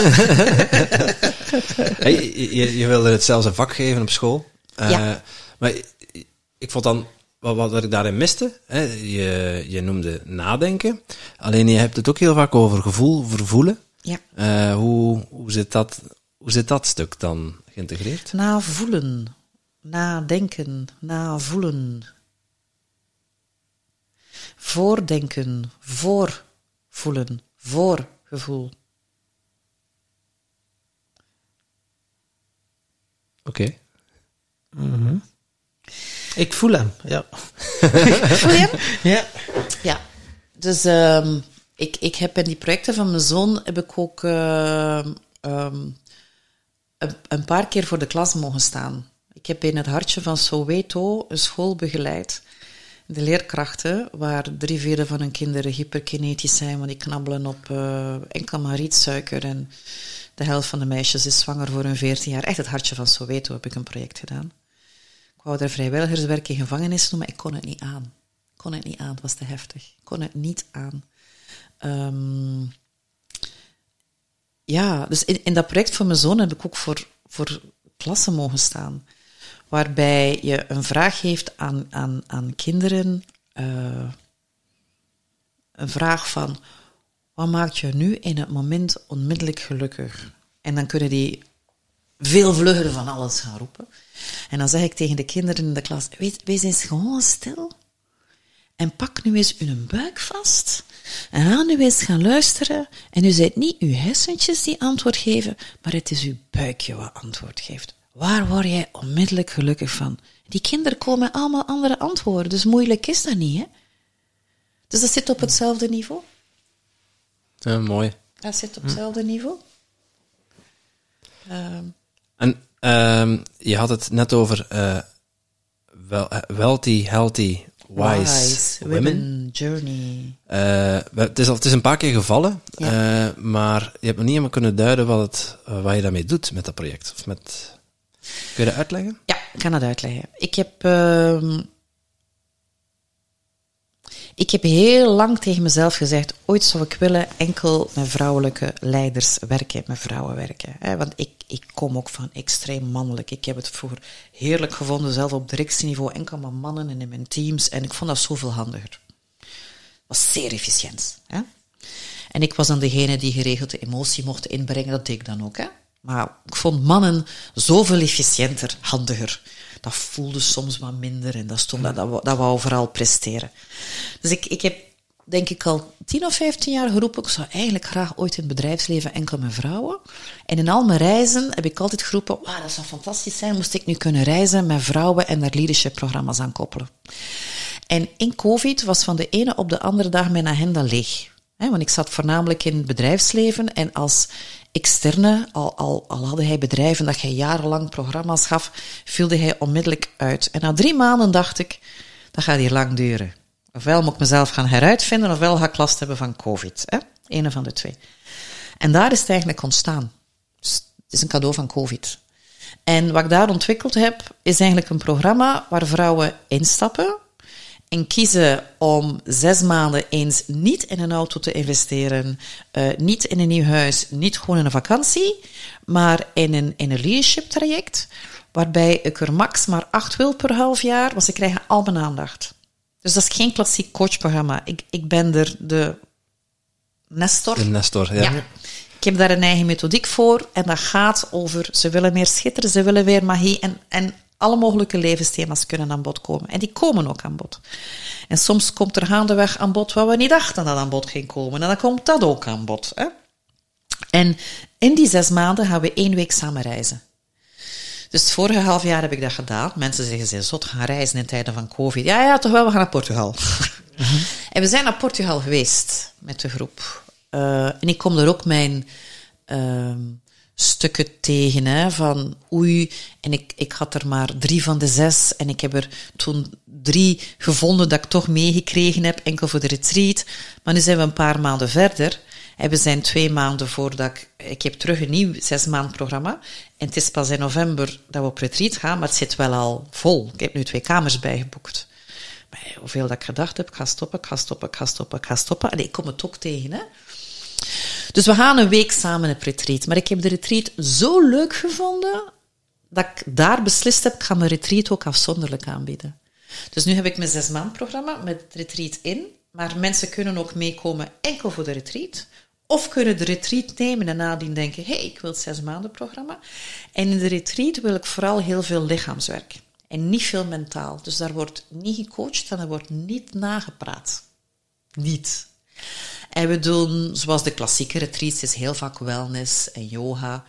Dat zit er een stuk in. Maar elke dag geef ik twee, drie uur workshop dat ik heel systemisch aanpak. En dat gaat enkel maar over grenzen stellen omdat ik ontdekt heb doorheen de jaren dat het thema dat het meeste nodig is, en ik heb uw briefjes daar ook gelezen die daar lagen, Tim, dat ik dacht, ah, er is er eentje dat ik moet meepakken, kan ik terug weer goed gebruiken. Hè.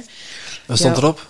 Uh, het komt er voor mij op neer, je mag geven aan een ander, zolang je jezelf maar beschermt, dat je niet te veel geeft aan een ander en niet aan jezelf. Zo vertaal ik hem. Dat niet de kosten gaat van jezelf. Niet de kosten van jezelf. Ja, die neem ik terug mee, want ik durf te veel gaan geven en dan ook weer niet gaan letten. Dat, dat is een valkuil voor mij, omdat mijn passie is. Ja, voor mij ook, anders zouden die briefjes dan niet liggen. Nee, nee, anders zouden die briefjes niet liggen. Hè.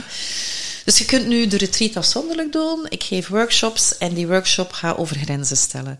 Grenzen vanuit je bewuste persona. Ik, ik heb ook een sessie grenzen vanuit wat, wat onbewust, wat je niet door hebt, waar je nog te weinig bewustzijn op hebt. Grenzen vanuit je ouderlijk veld, grenzen vanuit de zorg, de maatschappij, uw werkgevers. En hoe gaat het met uw vernieuwde inzichten, dat uw grenzen veel fluider zijn dan wat je zelf dacht. Er wordt van alles ontdekt. En we doen niks mentaal. Dus alles komt omdat ik met meditatiewerk, breathingwerk, klankschalen, bodyworkwerk, um, en dat we even de wijsheid, omdat ik daar een week met volwaardig met het lichaam kan werken, wat ik thuis soms minder kan. Maar je kunt wel een dag een workshop doen, maar mensen komen aan, dan stappen in de auto, ze gaan weer naar huis. Dus daar kan ik dat kader van vijf dagen daarin blijven, kan ik daar creëren. Dus die workshop is er. En daarnaast geef ik dagworkshops die vaak pas om drie uur beginnen, dat mensen niet de hele dag uh, nodig hebben. Bijvoorbeeld het manifesto is een heel krachtige. Manifesto van de Healthy Wealthy Wise Women. Dat is een zelfcoach tool dat ik ontwikkeld heb, die helemaal gaat op je innerlijke wereld. Wat zijn de negen kernachtige vragen waar je steeds naartoe terug kan, met vier subvragen, waar je elke dag iets van eruit kan pikken, om eigenlijk veerkrachtig in je, in je emotionele, hoe noem ik het?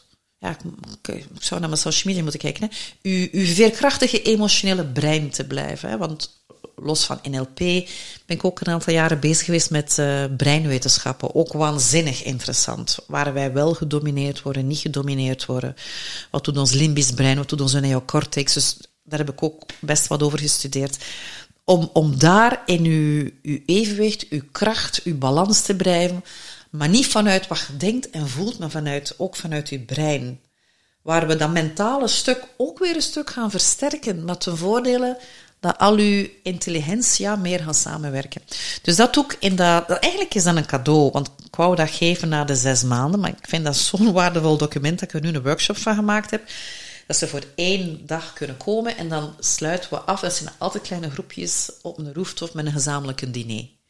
Dat we wat vrouwen graag doen, is verbinden. Hè? Of het vrouwelijk deel van mannen. Hè? Meer wit wijntje. En wijn drinken, dat heb ik verteld. Ja. Ja, ja, maar we doen dat niet met witte wijn. Ja. ja, er is een drankje aanwezig voor degenen die willen. Maar wat bij mij thuis altijd gebeurt, is dat ik vraag bij met de auto. Ja, dan één drankje. Maar dat, dat ga ik ook... Ik, ik vind het ook zo erg dat mensen elkaar stimuleren om wijn te drinken of drank te drinken, zelfs als je weet dat je gasten met een auto bij je zijn. Ik vind dat eigenlijk onverantwoord. Dus ik vraag aan hen, want ik, ik organiseer ook kava-avonden, bubbel- en babbelavonden. En de bubbel en babbel is voor de vrouw die me al een beetje kent, maar die zegt, kom even een avondje om te verbinden met, brou- met vrouwen, de bubbel en de babbel. Kom naar de bubbel en de babbel, dan heb ik even bezig gezien. Maar ik geef daar twee mini-stukjes workshop, waar onder andere lef aan bod komt. Eh, waardoor ze even heel kort geproefd hebben hoe dat, dat is. Dat ik echt een thema van iemand pak en we gaan daar even op gaan werken. Dat is de bubbel en babbel. Ik had die deze week. De bubbel zegt mensen, je mag van mij zoveel dat je wilt, maar wie is met een auto? Sorry, ik ben niet mee, want ik ben verantwoordelijk voor alles. Dus ik ben ook verantwoordelijk voor dat auto-accident, waardoor ze misschien een kind mee gaan nemen op straat. Bij mij is dat gedronken geweest, dus ik ben evenzeer verantwoordelijk. Want er is enkel maar het grotere geheel, in mijn perceptie. Ehm, dan, dan mogen zij niet meer dan één of twee glazen drinken. Dus voor degenen die willen komen, als ze denken gratis bubbel- en babbelavond, met de fiets komen. De fiets. Openbaar vervoer. Of de Ja, voet, nog met beter. de fiets meer dan één glas drinken kan even gevaarlijk. Ja, en weet, het is ook weer zo'n illusie dat je... Ja, ja, Zeker, dat- gewoon aan de kaai. Dus, dus, eh, ja. Ja, het is ook weer zo'n illusie dat drank per definitie het leuker maakt. Hè? Dat kan ik volmondig Dat is beamen. zo'n eh. illusie. Want je bent heel bewust, kunnen veel fun hebben zonder drank. Want de fun met de drank, daar zit niet echt bewustzijnsverruimende... Nu moet ik opletten, want misschien gaan we zonnen ook in discussie, dat er heel veel bewustzijnsverruimende middelen zijn. Hè? Die, maar niet het bewustzijnsverruimen waar ik graag mee bezig En ben. ik voel dat inderdaad, ik ben nu bijna vijf jaar gestopt met drinken. Ik merk dat, het is leuk, heel veel plezier. Vanaf twee glazen oké, vanaf dat derde glas voel Ja, ik, ik merk het ook. voel ik een Heel verschil. duidelijk. En vind ik het eigenlijk niet leuk meer. En heb ik zoiets van, eigenlijk heb ik hier niets mee te doen, want pff, het gaat over niks meer. En ja, niet dat je over... eh, Ja, mijn als je niks bestaat. drinkt, is het ook wel Mijn veel... gevaar eh, bestaat als ik er drie drink, dat ik er vier en vijf gedronken heb. Maar wat het mij niet meer waard is, is eh, één, ik krijg heel vlug blackouts. Al Hans mijn leven hoor. Ehm, maar twee, ik vind dat onwaarschijnlijk de dag nadien. Dat kan mij een dag kosten dat ik voel dat mijn energie lager zit. Gewoon omdat ik de dag voordien zelfs maar twee glazen gedronken heb. Waar niks aan de hand is. Ehm, ik, had jullie daarnet voor de podcast. Ik zat gisteren. Ik was klaar met sporten en de zon scheen daar. Ik ging even op het terrasje zitten. Het was zeven uur. Ik wou wat berichtjes beantwoorden en ik vraag automatisch.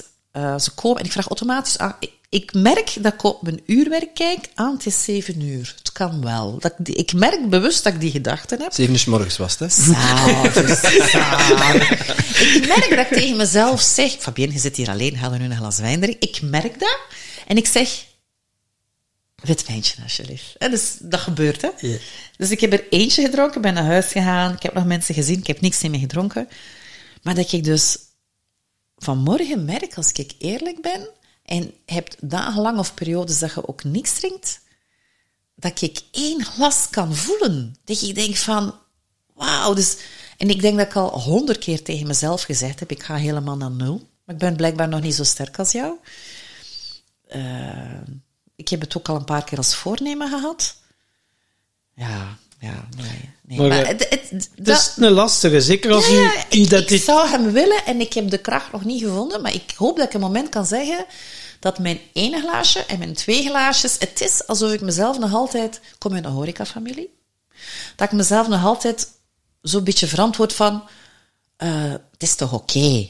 Ja, ja, ja. ja. En het is ook oké. Weet het is ook Ik, had- oké. ik, had, ik heb nu twee zondagen gehad dat ik hele mooie mensen, ondernemers, heb uitgenodigd voor het stuk van Scotch Whisky. Die mogen dan een invité meebrengen. En dan zitten we in Botanic Sanctuary. En ehm, daar zitten onder andere ondertussen ook al een aantal vrouwen bij, die mij kennen vanuit mijn vrouwenprogramma, die dan mensen meebrengen. De tweede zondag had ik er een aantal. Ik dacht, wauw, we zijn met tien, er zijn er hier drie die geen alcohol drinken. Onder andere vrouwen dat ik, dat, ik, dat ik ken, die ook hier in de podcast zouden kunnen kopen, komen, maar die ook klant worden of klant zijn bij Scotch Whisky. En ehm, ze dienen daar een fantastische Blanc de Blanc champagne op, dat ik heel graag drink. En ik neem twee glazen. We zijn daar drie uur geweest. En ik neem geen witte wijn en geen rode wijn. Maar ik ben met klanten. En als ik met klanten ben en ik drink al eens, dan is de norm twee glazen. Meestal doe ik het niet. Maar een goede Ja. champagne, daar durf ik ja tegen zeggen. En ik ben onder de indruk, want dat personeel komt met hele goede vervangwijnen. En ik, ik zit daar en denk, maar wat is er in godsnaam aan het gebeuren? Ik heb gewoon geen zin in wijn. Punt ik ben niet aan het. Ik bedoel, ik heb juist twee glazen champagne gehad. Eh, ik weet dat er iemand aan tafel zit die heel bewust nooit nog champagne wil drinken. Heel bewuste keuze, vind ik zo knap. En die vrouw zegt: Ja, maar nee, maar we hebben topwijnen zonder alcohol. Ik zeg: Ja, dat kan, maar eigenlijk heb ik daar geen interesse in. Maar, je moet die proeven en. Ehm, en ik zeg, oké, oké, oké. Ik zeg, geef mij een klein beetje. Hij zegt, ja, maar als je alcoholvrije wijn kunt drinken, dan gaat het toch geen water pakken?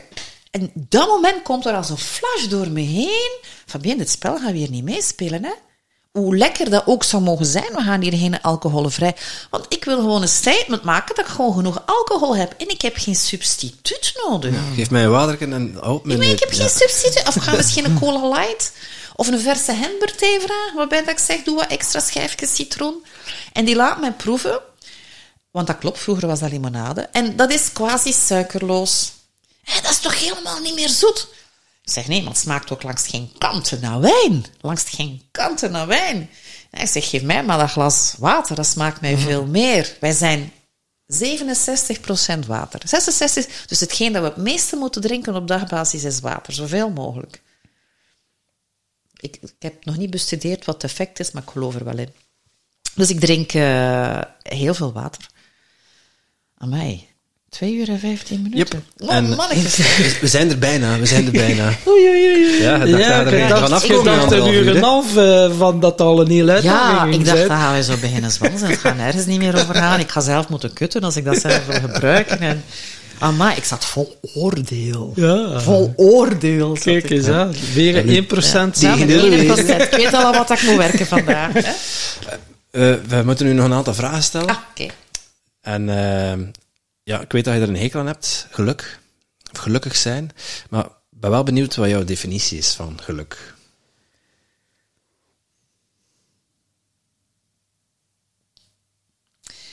Mijn definitie is ehm, geluk is een staat van opperste tevredenheid wat niet aanhoudt, maar terug verdwijnt. Is een moment, dat kan misschien een uur of langer, van opperste tevredenheid wat niet blijft duren. Want ook geluk bestaat bij de gratie van niet gelukkig zijn. Want anders weet je niet wat geluk is. Dat is nu mooi. Een staat van opperste tevredenheid die niet blijft duren. Ja. Mooi. Ja, ik bedenk hem hier in het moment. Hè. Ja. Een staat van opperste... Ik vind hem eigenlijk goed, ik ga hem opschrijven. Ja. Een staat van opperste tevredenheid die niet Mooi. blijft duren, want geluk bestaat bij eh, de gratie van niet-geluk. Het is me gelukt, vind ik een mooiere term voor geluk, waar we van gelukkig zijn een werkwoord maken. Het is me gelukt. En als dat gelukt te maken heeft Amai, zeg, ik ben dat hier ook aan het creëren in dit moment. Als dat gelukt te maken heeft met dat je door iets wat je gerealiseerd hebt in een momentum van opperste tevredenheid bevond, dan heb je er een werkwoord, een actie van gemaakt. En ik, ik geloof in statische dynamica. Kijk, het chance dat dat hier opgenomen wordt. Hè. Ik moet dat Ik moet ook... Ja, ja dat, dat, het schijnt dat ik zo in het moment... Ik denk dat ik daarom Nestor-coach ben. En mensen moeten altijd een boekje hebben, want dan zeg ik plots, dit gaan we nu opschrijven. Dit gaan we, want ze, ze moeten verplicht Ja. doorheen de periode hun inzichten opnieuw en opnieuw, opnieuw en opnieuw lezen en koppelen aan bepaalde acties op zijn of op bi-niveau. hè. Dat, Ja, Ja. Dat is NLP. Hè. Schrijf op. ja, dat zou kunnen dat dat NLP is, maar misschien is dat ook nuchter boerenverstand, dat ik weet dat mensen alles vergeten. Ja. Als je het opgeschreven hebt, dan blijft het ook wel wat hangen. Ja, want dat schriftje mogen ze voor niks anders gebruiken behalve mijn programma. Dat is soms schande dat ik het zelf ook niet meer weet wat ik gezegd heb tegen hen. Dat heb ik in het begin ook alweer gezegd. Ah ja, ja, ja. Oh, was dat vier maanden geleden? Of iemand komt tot een inzicht en ik zeg... Weet je nog, in de eerste sessie, dat je zei dat thema gaat niet nodig zijn. En dan weet ik niet meer wat dat thema was, hè. Maar ik weet wel, eerst, ik weet dat we eerste... Zeg, ga eens naar uw boekje, eerste sessie. God damn, Fabienne er bovenop. Zie je wel? Maar vraag niet aan mij wat het thema was, hè. Maar ik weet wel, we moeten terug naar die eerste sessie, hè. Ja, eh, eh.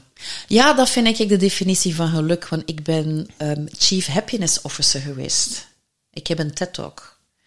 Als iedereen undercover Chief Happiness Officer zou zijn. Ik heb die gemaakt voor het bedrijfsleven. En ik heb ook een Chief Happiness Officer opleiding in elkaar gestoken voor het bedrijfsleven. Ehm, en daar kwam in geluk mijn definitie van flow. Omdat in flow steeds de leercurve zit van die procent dat je u, omdat je u moet concentreren om beter te worden, kom je in die flow van groei. En daar zit ook een geluksmoment. In een geluksbeleving zit.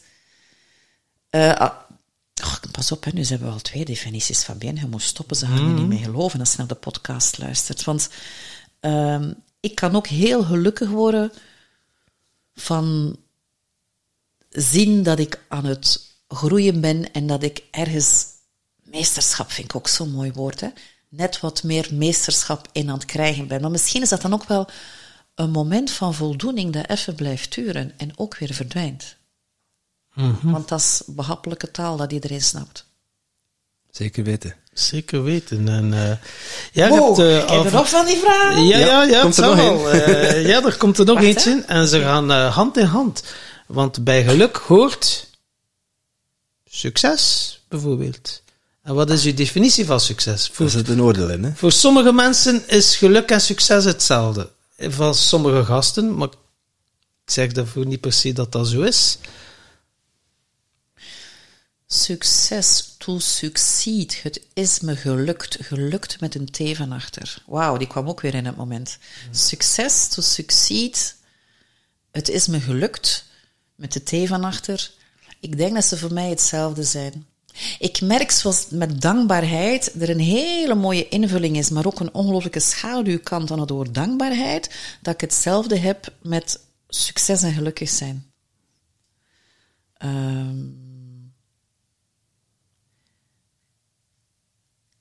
ik zie mensen als heel succesvol als ze erin slagen het leven te leiden zoals ze graag hun leven willen leiden. Vind ik heel succesvolle mensen.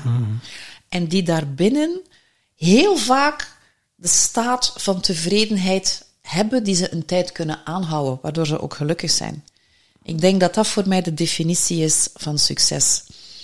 Ehm, succes is voor mij nooit geweest. ehm, succes heeft voor mij niet te maken met je verdient meer geld. Succes heeft voor mij niet te maken met je stijgt op een maatschappelijke ladder als die al zou bestaan. Succes heeft voor mij niet te maken met carrière. Als je carrière de wending uitgaat dat jij meer momenten van voldoening haalt, dan ben jij gelukkiger. Dus een carrière is niet noodzakelijk eh, naar boven. Jij kan gaan kiezen van ik ga in mijn carrière die stap zetten, want ik krijg meer momentums van voldoening. Maar het betekent niet carrière in de definitie van carrière. Maar ik word daar wel gelukkiger door, want het is me gelukt nu wel meer tijd vrij te hebben voor mijn sport. Het is me gelukt met mijn tweede huwelijk wel meer tijd te hebben met mijn partner. Maar ik heb mijn carrière niet gekozen. Dat noem ik succes. Dus ik denk dat voor mij succes en geluk, dat is zoals je aan mij vraagt, wat is uw nummer 1, 2, 3, 4 in waardes, dat dat samenhangt. Ik, je kunt niet gelukkig zijn zonder een succes te scoren. Als je succes ook mag toelaten op alle emotionele levels en op alle levels van je spirit, dat je de, de lef hebt om te doen wat nodig is en te volgen wat je denkt van, ik heb geen idee waar ik ga eindigen, maar dit is wel wat ik moet doen, dus ik ga het gewoon doen. Dat, hè. Voilà. Punt. Mooi. Punt. punt. Dan gaan we het bij laten. Eh, Je mag nog een vraag bedenken voor onze volgende gast. Een vraag voor de volgende gast. Tom breekt hier de tent af. Hè. Yes, that's my... Als jij een gepersonaliseerde nummerplaat zou willen hebben, die eh, echt betekenis heeft aan wie je ofwel nu bent, ofwel wie je graag net wat meer zou willen zijn, hoe ziet je nummerplaat er dan uit? En wilde mij dan alstublieft nadien ook eens contacteren om mij te vertellen, want misschien ga ik die podcast niet gehoord hebben, maar ik wil het antwoord wel horen. Voilà. Dat is mijn vraag. Dankjewel. Als, als mensen meer willen weten over, eh, over jou, Fabienne, Ja. eh, waar kunnen ze terecht? Eh, het allergemakkelijkste is 0478300943. Noodnummer, noodnummer, noodnummer. Nee, mijn website. Maar ik ben overal te vinden in social media. Healthy, Wealthy, Wise Women. Fabienne Klaes. Ik dacht dat je ging zeggen voor alle andere vragen bel 112, maar eh, Ja, ja, ja, ja. Sorry. ja, ja, mag. Weet je. Ehm, ik ben zeer toegankelijk. Ik ben zeer toegankelijk. Via WhatsApp op alle mogelijke manieren. En ik merk dat, ehm, ik merk dat vrouwen mij ook wel vinden. Dat is niet moeilijk. En voor whisky, beleggingen in zeer slimme beleggingsproducten. Als je denkt, ik wil er meer over weten. Je moet wel een beetje vermogend zijn dan. Dan eh, heel graag, heel graag. Het is waanzinnig interessant. Voilà. Kijk, We hebben geen reclame gemaakt, we hebben wel reclame gemaakt. dat mag allemaal. Ja, maar hè, Het in mag termen allemaal. van vrijheid, hè? Zeker. Ja. Dan eh, rest ons niks anders dan jou hartelijk te bedanken. Ja. Ja, dank je dat ik Van harte bedankt. hier. Yes. En dat ik, het, eh, dat ik eh, voor mezelf ontdekt heb dat twee uur, twee uur twintig praten in een podcast waardevolle invulling kan zijn. Voilà. Weer al een oordeel. Zolang we maar in flow zijn, dan... lang maar in uithouden. hè. Dankjewel. Oké, dank je. Dag. En jij natuurlijk ook super bedankt om te luisteren naar deze podcast. Voel jij je geïnspireerd? Je zou ons een enorm plezier doen door ons 5 sterren te geven of een review achter te laten in jouw favoriete podcast-app.